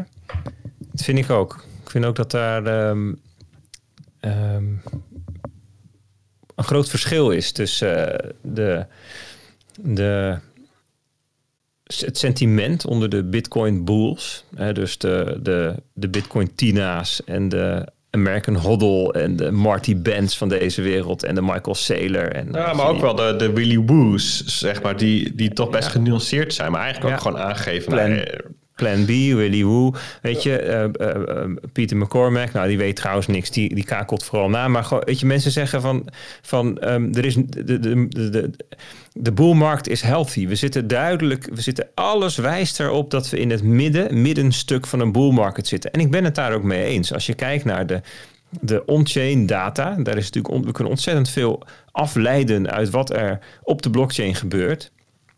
Ehm, dan zie je nog steeds enorm hoeveel, enorme instroom aan nieuwe um, particulieren en bedrijven. Beide uh, is er nog steeds aan de hand. En ook als je dan gaat kijken naar de data daaromheen. Dus je gaat bijvoorbeeld kijken bij brokers, bij exchanges, bij um, de, de, de, de onboarding van institutionals, van professionele beleggers. Dus um, bijvoorbeeld um, in Nederland zou dat Amdax zijn. In, in Amerika heb je NYDIG bijvoorbeeld. Die zeggen, de, de wachtrijen die wij hebben worden alleen maar langer en, en, en de interesse onder de family offices en de, de hedge fund managers, die neemt nog steeds alleen maar toe. dus alle signalen die je daar ziet, die wijzen erop dat we in het middenstuk van de bull market zitten. Het begin zijn we wel voorbij. We zijn, het begin van de bull market, dat is dat die prijzen ineens weer verbaast en verrast en omhoog schiet. En um, dat dan ineens journalisten weer wakker worden en dan dingen roepen als Bitcoin is terug van weg geweest. En dat wij dan grappen, nee, de journalisten zijn terug van weg geweest. Dat is het beginstuk. Weet je, dat hebben we intussen gehad. Dat was december en zo. Uh, november, december, januari misschien. Uh, en dan komt dan, ik denk dat het moment dat Elon Musk ermee kwam, dat was wel een beetje, het markeerde de overgang naar het middenstuk. Daar zitten we nu in. En, en, en daar, horen ook alle onprettige dingen bij. De, de, polarisatie in de discussie. Hè, de, de FUT, de, de, in dit geval is dat in, hè, in 2021 is dat energie bijvoorbeeld. Hè, dat is echt een van de kernonderwerpen. Um, ook, ook de, de particulieren die, die instromen. En Hoe voel jij je daar zelf onder, Bert, trouwens? Daar ben ik wel benieuwd naar. Wat zei je? Hoe voel jij je daar zelf onder? Onder wat? Nou, ik heb bij die klimaatfut, zeg maar, word ik best wel snel als ik daar een discussie over aanga. Uh, ook uh, niet bij Nerds om tafel zelf, maar wel in die community daar was ik ook nog eventjes. Dat ik in een soort hoek, een klimaatontkenner hoek gedrukt word. Terwijl ik daar zelf eh, politiek gezien persoonlijk helemaal niet sta. En dat, ik denk, ik ben op zoek naar een hele fijne en, en, en leuke, scherpe discussie. En ik word nu in een soort van compleet belachelijke hoek gedrukt. Ik voel me daar best wel een beetje... Denk, zo ben ik helemaal niet, weet je. En dat vind ik best wel hmm. soms een beetje vervelend... dat ik in zo'n soort van conspiracy-achtige hoek gedrukt word... zodat mensen het, het, het, uh, de discussie niet aan hoeven te gaan of zo. Ja, maar dat, dat geldt natuurlijk voor alle, vooral die... Um de alternatieven ook. Hè? Dus ook als het gaat over Bitcoin is een piramidespel, dan ben je, een, ben je dus blijkbaar een oplichter of een crimineel. Dat is ook een hoek waar je niet wil zitten. Als het gaat om. Um, nou ja, ja, goed. Ga, ze, ga, ze maar, ga de, ga de anti-narratieven, de antithesen, de, de, de, de, anti-reclame, ga ze maar af. En dat, dat zijn allemaal hoeken waar je natuurlijk niet wil zitten. Uh, oh ja, bijvoorbeeld Bitcoin zorgt voor meer vermogensongelijkheid. Ja, bedoel, dat is natuurlijk ook niet wat je wil. Ik bedoel, niemand die, die, die, die um, is enthousiast over een project omdat het de armen armer maakt en de rijken rijker. Ja, en ik geloof ook niet dat het zo is.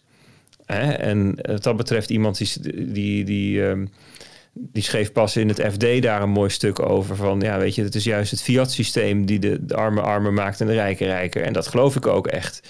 Um, maar ja, als dat over je gezegd wordt, dan. Hè, dus, dus ja, nee, ik ben dat met je eens. En ik kan het wel, dat wel redelijk makkelijk van me af laten glijden, omdat ik heel goed herken dat mensen helemaal niet uit zijn op. Um, nee, ik herken het wanneer mensen het niet uit zijn op um, verkennen van hoe het zit, maar dat ze gewoon alleen maar een hele stellige zwart-wit positie innemen. En dan, ja, daar, daar leen ik me niet voor. Dus dan laat ik dat gewoon langs me heen gaan. En vooral Twitter is, is dat lastig, omdat je natuurlijk maar 280 karakters hebt en het gewoon een ontzettend complex vraagstuk is. Um, zelfs als je de energiediscussie uit elkaar trekt in, in allerlei alle lagen. En in, in elke laag heb je dan weer meerdere vraagstukjes. En als je die daarna gaat kijken, zelfs dan is een tweet nog. Kom, uh, is, is eigenlijk nog te klein. Hè? Ik bedoel, we hadden nog in de show notes het, um, dat rapport staan van Square en Ark Invest. Wat deze week, of gisteren volgens mij langskwam. Um, over dat Bitcoin als onderdeel van een ecosysteem met um, renewables, hè, dus uh, zon en wind en water, en, en batterijtechniek. En dus Bitcoin mining, dat in die driehoek, dat dat een bepaalde um, um, nieuwe dynamiek kan voortbrengen, waardoor je mogelijk uh, een groter gedeelte van je energiemix uit die intermittent bronnen kan laten bestaan. Um, en dat dat een bepaald soort innovatie kan aanjagen. Dat een bepaald soort projecten rendabel zou kunnen maken. Nou, dat, dat, daar hebben ze vijf kantjes voor nodig om dat uit te leggen. Nou, ik kwam gisteren dus al in een gesprek op Twitter met iemand die hierop zit. Die hier verstand van heeft. En ook verstand heeft van Nassim Taleb. Dus dat is iemand die, die hem, hem die, waarvan ik weet dat hij dingen niet zegt omdat hij wil trollen of omdat hij anti is. Ja, en dan, dan zijn we 30 tweets verder. En dan nog ja, is het gewoon heel moeilijk om tot de kern te komen van alleen al dit puzzelstukje. Zo complex is die discussie. Dus um, ja, dat, is, dat, dat vind ik, ik vind dat heel lastig aan het energievraagstuk. Dat je het, je kunt het gewoon simpelweg niet afdoen in één zin. En ik heb ook af en toe journalisten aan de lijn die zeggen, ja, uh, oh ja, we moeten het ook nog even hebben over de energie. En dan, ja, ik vind dat moeilijk. En vaak ben ik dan vijf minuten met ze eh, aan het praten via de telefoon over, weet je, om puur eventjes de, um, uh, de, de, randen van de puzzel te leggen van waar we het dan over hebben. En ik vind Peter die heeft in de CryptoCast zo'n soort van matrixje geïntroduceerd, die jij overigens ook leuk gebruikte bij de nerds. Hè, van um, hoe kijk je aan tegen energie? Hè? Ben je een uh, eco-modernist of ben je een, uh, hoe zeg je dat, ja. een progressief anti um, Ik heb je de, de credits daarvoor gegeven hoor, Peet. Even voor de duidelijkheid. Ja, ja. En, en, en, en je stance op bitcoin. En aan de hand daarvan kun je... Dus dat, dat is, natuurlijk helpt dat om er dan wat over te redeneren. Maar ja, het punt is dat... Um, kijk, wat, wat denk ik nodig is... is dat in de komende drie, vier jaar... bitcoin laat zien hoe het, hoe het verandert. En want we kunnen wel zeggen, ja, die mining in China, dat het, kijk niet alleen maar naar het aandeel van China en het aandeel van fossiele uh, energie, maar kijk ook naar de, de richting waarin dat zich ontwikkelt. Dus China wordt, ne, neemt steeds kleinere rol in, fossiele energie neemt steeds meer af. Um, de, de, de, hoeveelheid stranded energie neemt steeds meer toe. Um, steeds meer, er zijn, ontstaan steeds meer samenwerkingen. Uh, maar we moeten gewoon in de komende drie, vier jaar laten zien hoe dat zich ontwikkelt. En dan kun je, en, en, en, en dan Um, bewijst dat zich of niet? En dat is gewoon lastig. We moeten nu, we kunnen gewoon, moeten nu gewoon eigenlijk zeggen: ja, la, laten we maar kijken hoe het zich ontwikkelt. En dat is gewoon niet het favoriete antwoord van mensen die in zo'n discussie zitten. Goed, nou, lang, lang antwoord op jouw vraag. Jij um, vindt het dus soms ook nog een beetje lastig. Of in ieder geval, ja, nee, het, ja. het is feitelijk lastig. Dat is mijn punt. Ja, we, kunnen, we, we, we, komen hier niet uit door met z'n allen harder na te denken over een paar slimme metaforen. En tada, nu zijn we eruit. Nu hebben we het opgelost. Nu hebben we het zinnetje waarmee je deze discussie afsluit. Nee, maar het zijn wel, er is wel een, een, uh, een deel van zeg maar, de, degene die, uh, uh, die soort van activistisch standpunt inneemt. En echt gewoon waarvan je 9% zeker bent, veel hier, dit is gewoon echt intellectuele armoede. Zeg maar, hier zit niet een uh, integere, dit is geen integere discussiepartner. Daarvan denk ik al wel vrij snel van, joh, zoek het uit. Even staying hoi. Weet je, en, en daar, daar, daar, het vervelende is dat de meest vocale mensen dicht op dat punt zitten vaak. Dat is wel mijn ervaring. Klopt, het zijn de activisten namelijk. Ja, maar dat vind ik wel, geleerd, maar dat is wel, hoe ze... dat vind ik wel vervelend, zeg maar, Peter. Dan heb ik zoiets van, ik heb helemaal, er wordt een soort van bijna agressieve discussie ingetrokken, waar ik zoiets heb van, ik heb best wel zin om dit op een normale toon te doen of zo. Maar dan word je ergens bijgehaald en word je ook nog als een soort kopstuk gezien van, van die energieverslindende, wereld kapotmakende munt. En dan denk ik, ik zit hierin voor zoveel toffe ja, dan heb ik soms zoiets van, ja, vind ik gewoon lastig. Heb ik, ja, ik heb er helemaal geen zin in om, om eh, ook op Twitter de hele tijd dat geruzie en gedoe. Ik hou er gewoon van als, ik hou niet van confrontaties. Ik hou gewoon als dingen een beetje leuk zijn. En uh, dat is soms gewoon even niet meer zo. Bert, ga verder met, uh, met de marktupdate. Ja, dus, dus wat we eigenlijk zien is dat we echt weer in het middenstuk van die boelmarkt terecht zijn gekomen. Dus met dit soort discussies, um, met ook consumenten die head first allerlei random coins induiken. Hè, met uh, Save Moon. Um, maar ook XRP Rapid. Die gaat nu ook weer echt de, lucht in. En, en um, ik zag dat... Um, zelfs Bitcoin Cash weer wat tekenen van leven. Nou goed, dan weet je wel echt, als de mummies weer lopen, dan weet je echt uh, hoe laat het is. Um, ja, Dogecoin natuurlijk. Ik bedoel, dat is natuurlijk um, ook zo'n teken aan de wand. En, en, en dat, is, dat, is, dat zijn, vind ik, de minder leuke kanten. Dus zowel die discussies als Um, nou, we hadden het vorige week ook een beetje over dat je weer zoveel keer per week gebeld wordt door welke, wat moet ik kopen om rijk te worden. Maar dat is wel een, een signaal dat we daar zijn. Dus ik, ik geloof ook daadwerkelijk dat de fundamentals wijzen op middenstuk bull market. En dat we er echt nog niet zijn. Want, want en dat een, een argument daarvoor is ook dat het einde van een bull market, die heeft ook een bepaald, bepaalde dynamiek. Niet alleen bij Bitcoin, want dan kan je nog zeggen van ja, maar Bert, je hebt pas drie voorbeelden van het einde van een bull market. Dus dat is een beetje weinig data. Maar ook bij andere bull markets. Hè, dus um, eh, zeg maar explosieve um, stijgingen van waarde die op een gegeven moment uh, uh, waarbij op een gegeven moment de, het momentum stopt. De muziek stopt. Uh, en we komen erachter dat er te weinig stoelen zijn voor het aantal mensen. En er pleuren er een paar op de grond. Dat is een beetje zo het einde van zo'n soort boom. Dat was ook met Tesla. Het ging als een raket omhoog. Ja, op een gegeven moment dan. dan um, dan, dan dondert alles ook weer een stukje naar beneden. Zo'n blow-off top. En dat hebben we ook gewoon nog niet gezien. Dat hebben we gewoon helemaal niet gezien. Wat we wel zien is dat 53.000 dollar dat, dat, dat daar op dat punt elke keer heel veel steun is. Ik geloof dat op dit moment al een kleine 20% van alle bitcoin um, boven dat bedrag van eigenaar is uh, gewisseld. Ik geloof voor, van de week was het um, 16% of zo, zei Willy Hoe. Nou, dat zal nu dus iets meer zijn. Want de afgelopen dagen is er gewoon nog getrade boven die 53.000 dollar. Sterker nog, als die koers ook maar enigszins daar ietsjes onder komt... dan liggen daar walvissen te happen. Daar word je helemaal eng van.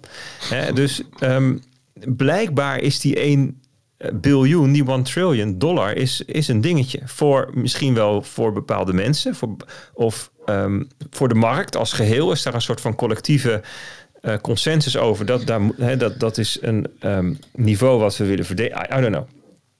In ieder geval, zolang het daarboven blijft, um, zie ik ook niet per se noodzaak voor een langere correctie. Maar het is wel merkwaardig dat die toppen elkaar steeds minder snel of he, eh, minder fanatiek opvolgden. Je had eerst natuurlijk in januari dat het um, uh, nou ja, december boven de 20 en januari was het nog 25 en ietsjes later, 10 januari, was het 41. Dat ging natuurlijk zo idioot snel. En dan naar 58. Ja, en sinds die 58 van februari is het, zit er weinig leven meer in. 61, 64. Ja, um, en, en dan nu um, de hele tijd rond die, rond die 55.000 dollar. En dan gaat Ethereum ook nog eens als een gek. Die zit nu op een all-time high. En andere altcoins gaan als een gek. En dus de dominance, de Bitcoin-dominantie is gedaald naar 50%. Nog weer verder. Iedereen schreeuwt alt-season. Ja, ik snap wel dat mensen een beetje in de war zijn. Bitcoin ging toch alles opeten. Dat was toch één groot zwart gat, Michael Saylor, die het hele universum opslokt. Waar blijft dat nu? Hoe zit dat nou? Iedereen en zijn moeder die random een random muntje aanklikt, die wordt rijker dan ik. Ja, ik snap wel dat er een paar mensen een beetje zenuwachtig worden en een beetje chagrijnig worden. De sfeer wordt grimmiger op Twitter. Vannacht was er echt gewoon een grimmige discussie, uh, gevecht, uh, gevecht waarbij de rotte watermeloen je om de oren vlogen tussen, tussen Raoul Paul en um, Bitcoin Tina, die elkaar geloof ik nu ook geblokt hebben en Pieter McCormack die werd er als een soort van mascotte tussen geplaatst. En zeg, Pieter, je moet nu zeggen aan welke kant je staat. Dus Pieter die ging gifjes tekenen in, in Microsoft Paint. En het werd echt gewoon heel lelijk. En um, ja, dus de gemoederen lo lopen hoog op, de emoties lo lopen hoog op. Zeg het maar. Er is blijkbaar een divergentie tussen wat er op de markt gebeurt, dus de prijsvorming op de exchanges, dus in de handel, en wat er fundamenteel aan de hand is, wat je kunt zien um, in de on-chain data en in de echte wereld op de exchanges en de interesse die er is, de nieuwe wetgeving die er komt enzovoort.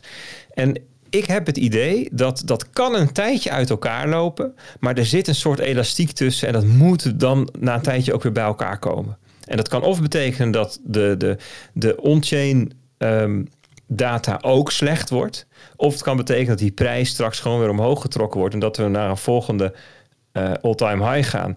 Kijk, we zitten, we, we, zitten nu voor het eerst eigenlijk ehm, onder de 50-daagse moving average. Ik heb, um, had in de Telegram groep ook een kaartje gepost van um, uh, de, de, dag, de dagkaart is dat. Dus het zijn, elke candle is een dag. Terug naar 2016. Dus dat we ook de hele vorige bull market zagen. En dan de 50, 100 en 200 daagse moving average erop. En daar zag je ook in de vorige bull market dat een stuk of zes keer of zo die prijs echt wel flink onder de 50-daagse moving average uh, wikt. Dus soms is het ook echt alleen maar zo'n streepje.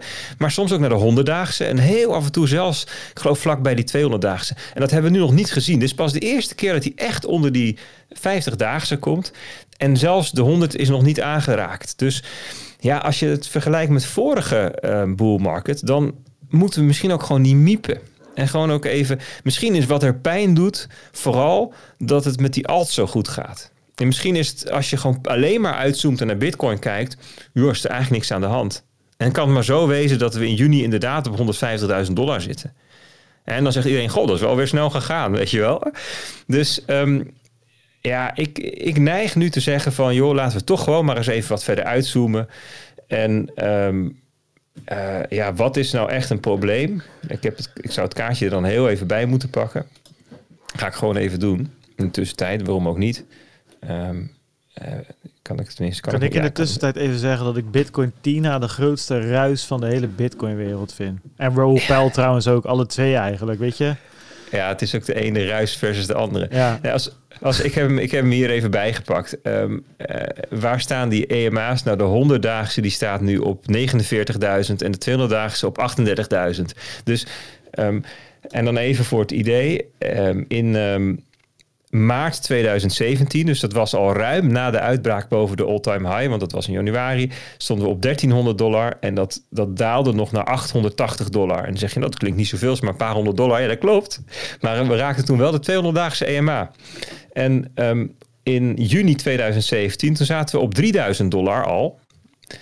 Um, en toen ging het gewoon nog even lekker terug naar 1800 dollar. Ietsjes daarna. En dat is tussen de 100 en het 200-daagse EMA in. En dus als we dat nou nu zouden teleporten, dan zou dat gaan naar tussen de 38 en de 49.000 dollar in. Dan zit je op een vergelijksoortig punt als in uh, 2017, of wat zijn nou juni geloof ik. Hè? Dus um, ja, we zijn misschien ook een beetje verwend met hoe idioot snel het is gegaan vanaf oktober. Van 10.000 naar 60.000. En nu verwachten we dat het met dezelfde vaart doorgaat naar 6 ton. Zie je wel, plan B heeft gelijk. Ja, jongens, uh, een beetje geduld. Um, maak je niet druk, zoom een beetje uit. Gun die Ethereums ook, uh, die Ethereum mensen ook wat. Gun ze ook een beetje plezier. Weet je, laten we wel wezen. Ethereum staat nog niet eens op twee keer de all-time high. Terwijl Bitcoin al op drie keer staat. Dus uh, ja, prima allemaal. Goed, dat was mijn uh, spreekbeurt. David, David door. ja, doet hij toch maar weer even, die Bert. Heel goed. Nee, ik zat een... Um, uh, de, de, de ultieme boel livestream te kijken van BTC Sessions. Ja, ik weet niet hoe, die, die maakt ook tutorials, alleen dan in het Engels. En die gozer had voor elkaar gekregen om uh, iedereen aan tafel te krijgen. Maar die had, ja, het was een hele grappige combinatie van signaal en ruis aan dezelfde tafel. En dat pakte ja, dat heel had ook met de tijd uit. te maken. In het begin had je Michael Saylor en Jeff Booth er nog bij. Ja. En, en aan het eind... En Preston Pish volgens mij was erbij. Preston Pish. En aan het eind waren al die gasten weg, want die hadden nog wat te doen. En wat er overbleef, dat was aan het eind tegen elkaar aan het schreeuwen. En ze waren allemaal dronken. Ja. Dus het was, als je, als je zeg maar door die, door, dat was ook 2,5 uur of zo. Als je daar doorheen skipt, dat is echt... Dan denk je, is het nog dezelfde sessie? Ja, als ja, je dat, ja, precies. Ja, en uh, en uh, Jack uh, Malice was erbij. Dat, dat vind ik altijd wel grappig, omdat hij het voor elkaar krijgt om ik, daar heb ik wel respect voor, weet je. Hij zit wel een beetje in dat Bitcoin pleb hoekje en whatever. Maar hij gaat, hij doet nooit zo, gaat nooit zo. Hij is eigenlijk, heeft zeg maar het charisma wat die anderen proberen te compenseren met veel gescheld en gezuip en whatever, weet je. Dat vind ik gewoon mooi om te zien. Dat het op een gegeven moment, uh, ja, ja, Hij is gewoon lekker aan het bouwen, doet zijn ding. En als hij erover vertelt, dan, uh, gebeurt er wat. Ja, precies. Dan klopt het ook wel. Ja, ik ben erg hey, hey, maar um, even jongens. Het is nu, uh, even kijken, het is donderdag, tien voor vijf ongeveer. Bitcoin staat op 54.600 dollar ongeveer. Ja. Uh, Willem-Jan, volgende week donderdag, zelfde tijd. Wat doet Bitcoin? Dit is het kopje beleggingsadvies waar we nu naartoe gaan. Precies. Dat hebben we sinds deze week geïntroduceerd. Gooi de dobbelsteen op. Ik denk dat we rond deze koers zitten. Ik denk dat er geen grote, grote oh, veilige uitspraak, veilige uitspraak. Ik had laatst 70.000 gezegd. Hè? Dat, is niet dat helemaal, was dat was hem niet geworden, nee. Nee, helaas. Ik denk, denk, dat... Bert? Uh, Bert, ga jij maar eerst inderdaad. Ja, ik ben even aan het kijken. Ik, ik, ik ga even kijken of ik ook nog wat zinnigs kan zeggen in plaats van een random getal roepen. Oké, okay, dan roep ik wel een random. ik, ik roep een random getal en dan hoop ik dat dat toevallig ook het zinnige getal is wat Bert gaat zeggen. Dus ik zeg uh, eh, 67.000. Wat, wat, voor, wat is het? 2, 2 mei is dat volgende week? Nee, uh, eh, 29 april. Oké, okay, ja, 29 ja, april. Ja, nou ja, het, als je. Ja, ja, 67.000 denk ik. Ja. Zei je dat, 67? Ja, serieus. Ik denk ja, ik ga, hem, ik ga hem geven. Ik denk dat we volgende week donderdag tijdens de live show ja. door de 65k heen gaan. Dat de Fabgansen oh, tijdens de live show over tafel lopen. Dat zou briljant zijn. Dat is mijn. We waren zo dichtbij, hè? Dat deed echt wel pijn hoor. Er zijn echt mensen gesneuveld daar op, die, op de dag. Wat was het? 64.900 of zo? wat ganzen afgeschoten hoor. Gewoon. Uh... Ja. En ik, oké, ik maak 700, geloof ik. ik maak hem precies. Ik doe het dan een beetje nerdish 2 tot de 16e. Dat is dan uh, de, de koers. 65.536. ja, dat zou wel heel mooi zijn. Ik kan niet anders dan daarin meegaan eigenlijk. dat dacht ik al. Ja, ja, ja nou top. Um, Genoteerd? Lekker. Lekker afleveringetje, jongens. Moet ik, uh, moet ik zeggen. Ik had bij die nerd om tafel zat ik dus echt bier te drinken. Uh, maar dus dat koolzuur gaat toch harder dan. Ik moet op een gegeven moment dacht ik, jongens, stel alsjeblieft de vraag. Kan ik even een klein boertje laten weg van de microfoon?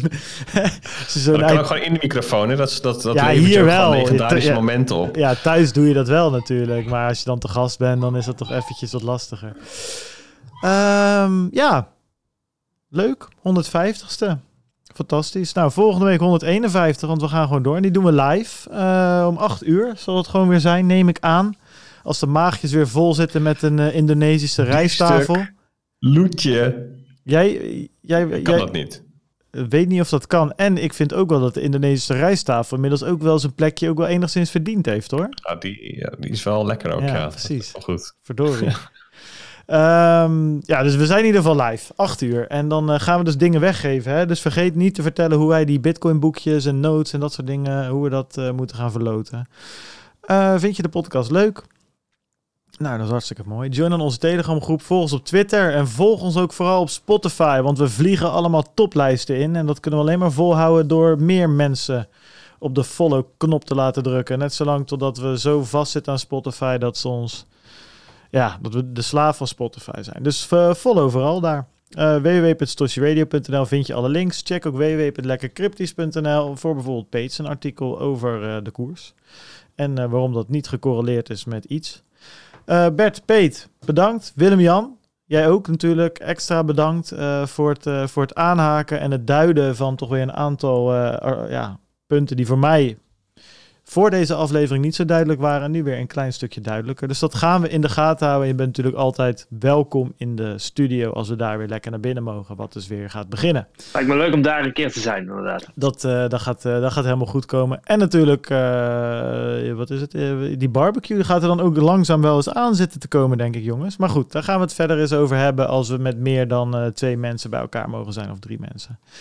Dus jullie allemaal bedankt voor het luisteren en eh, tot volgende week weer. Adios, doei.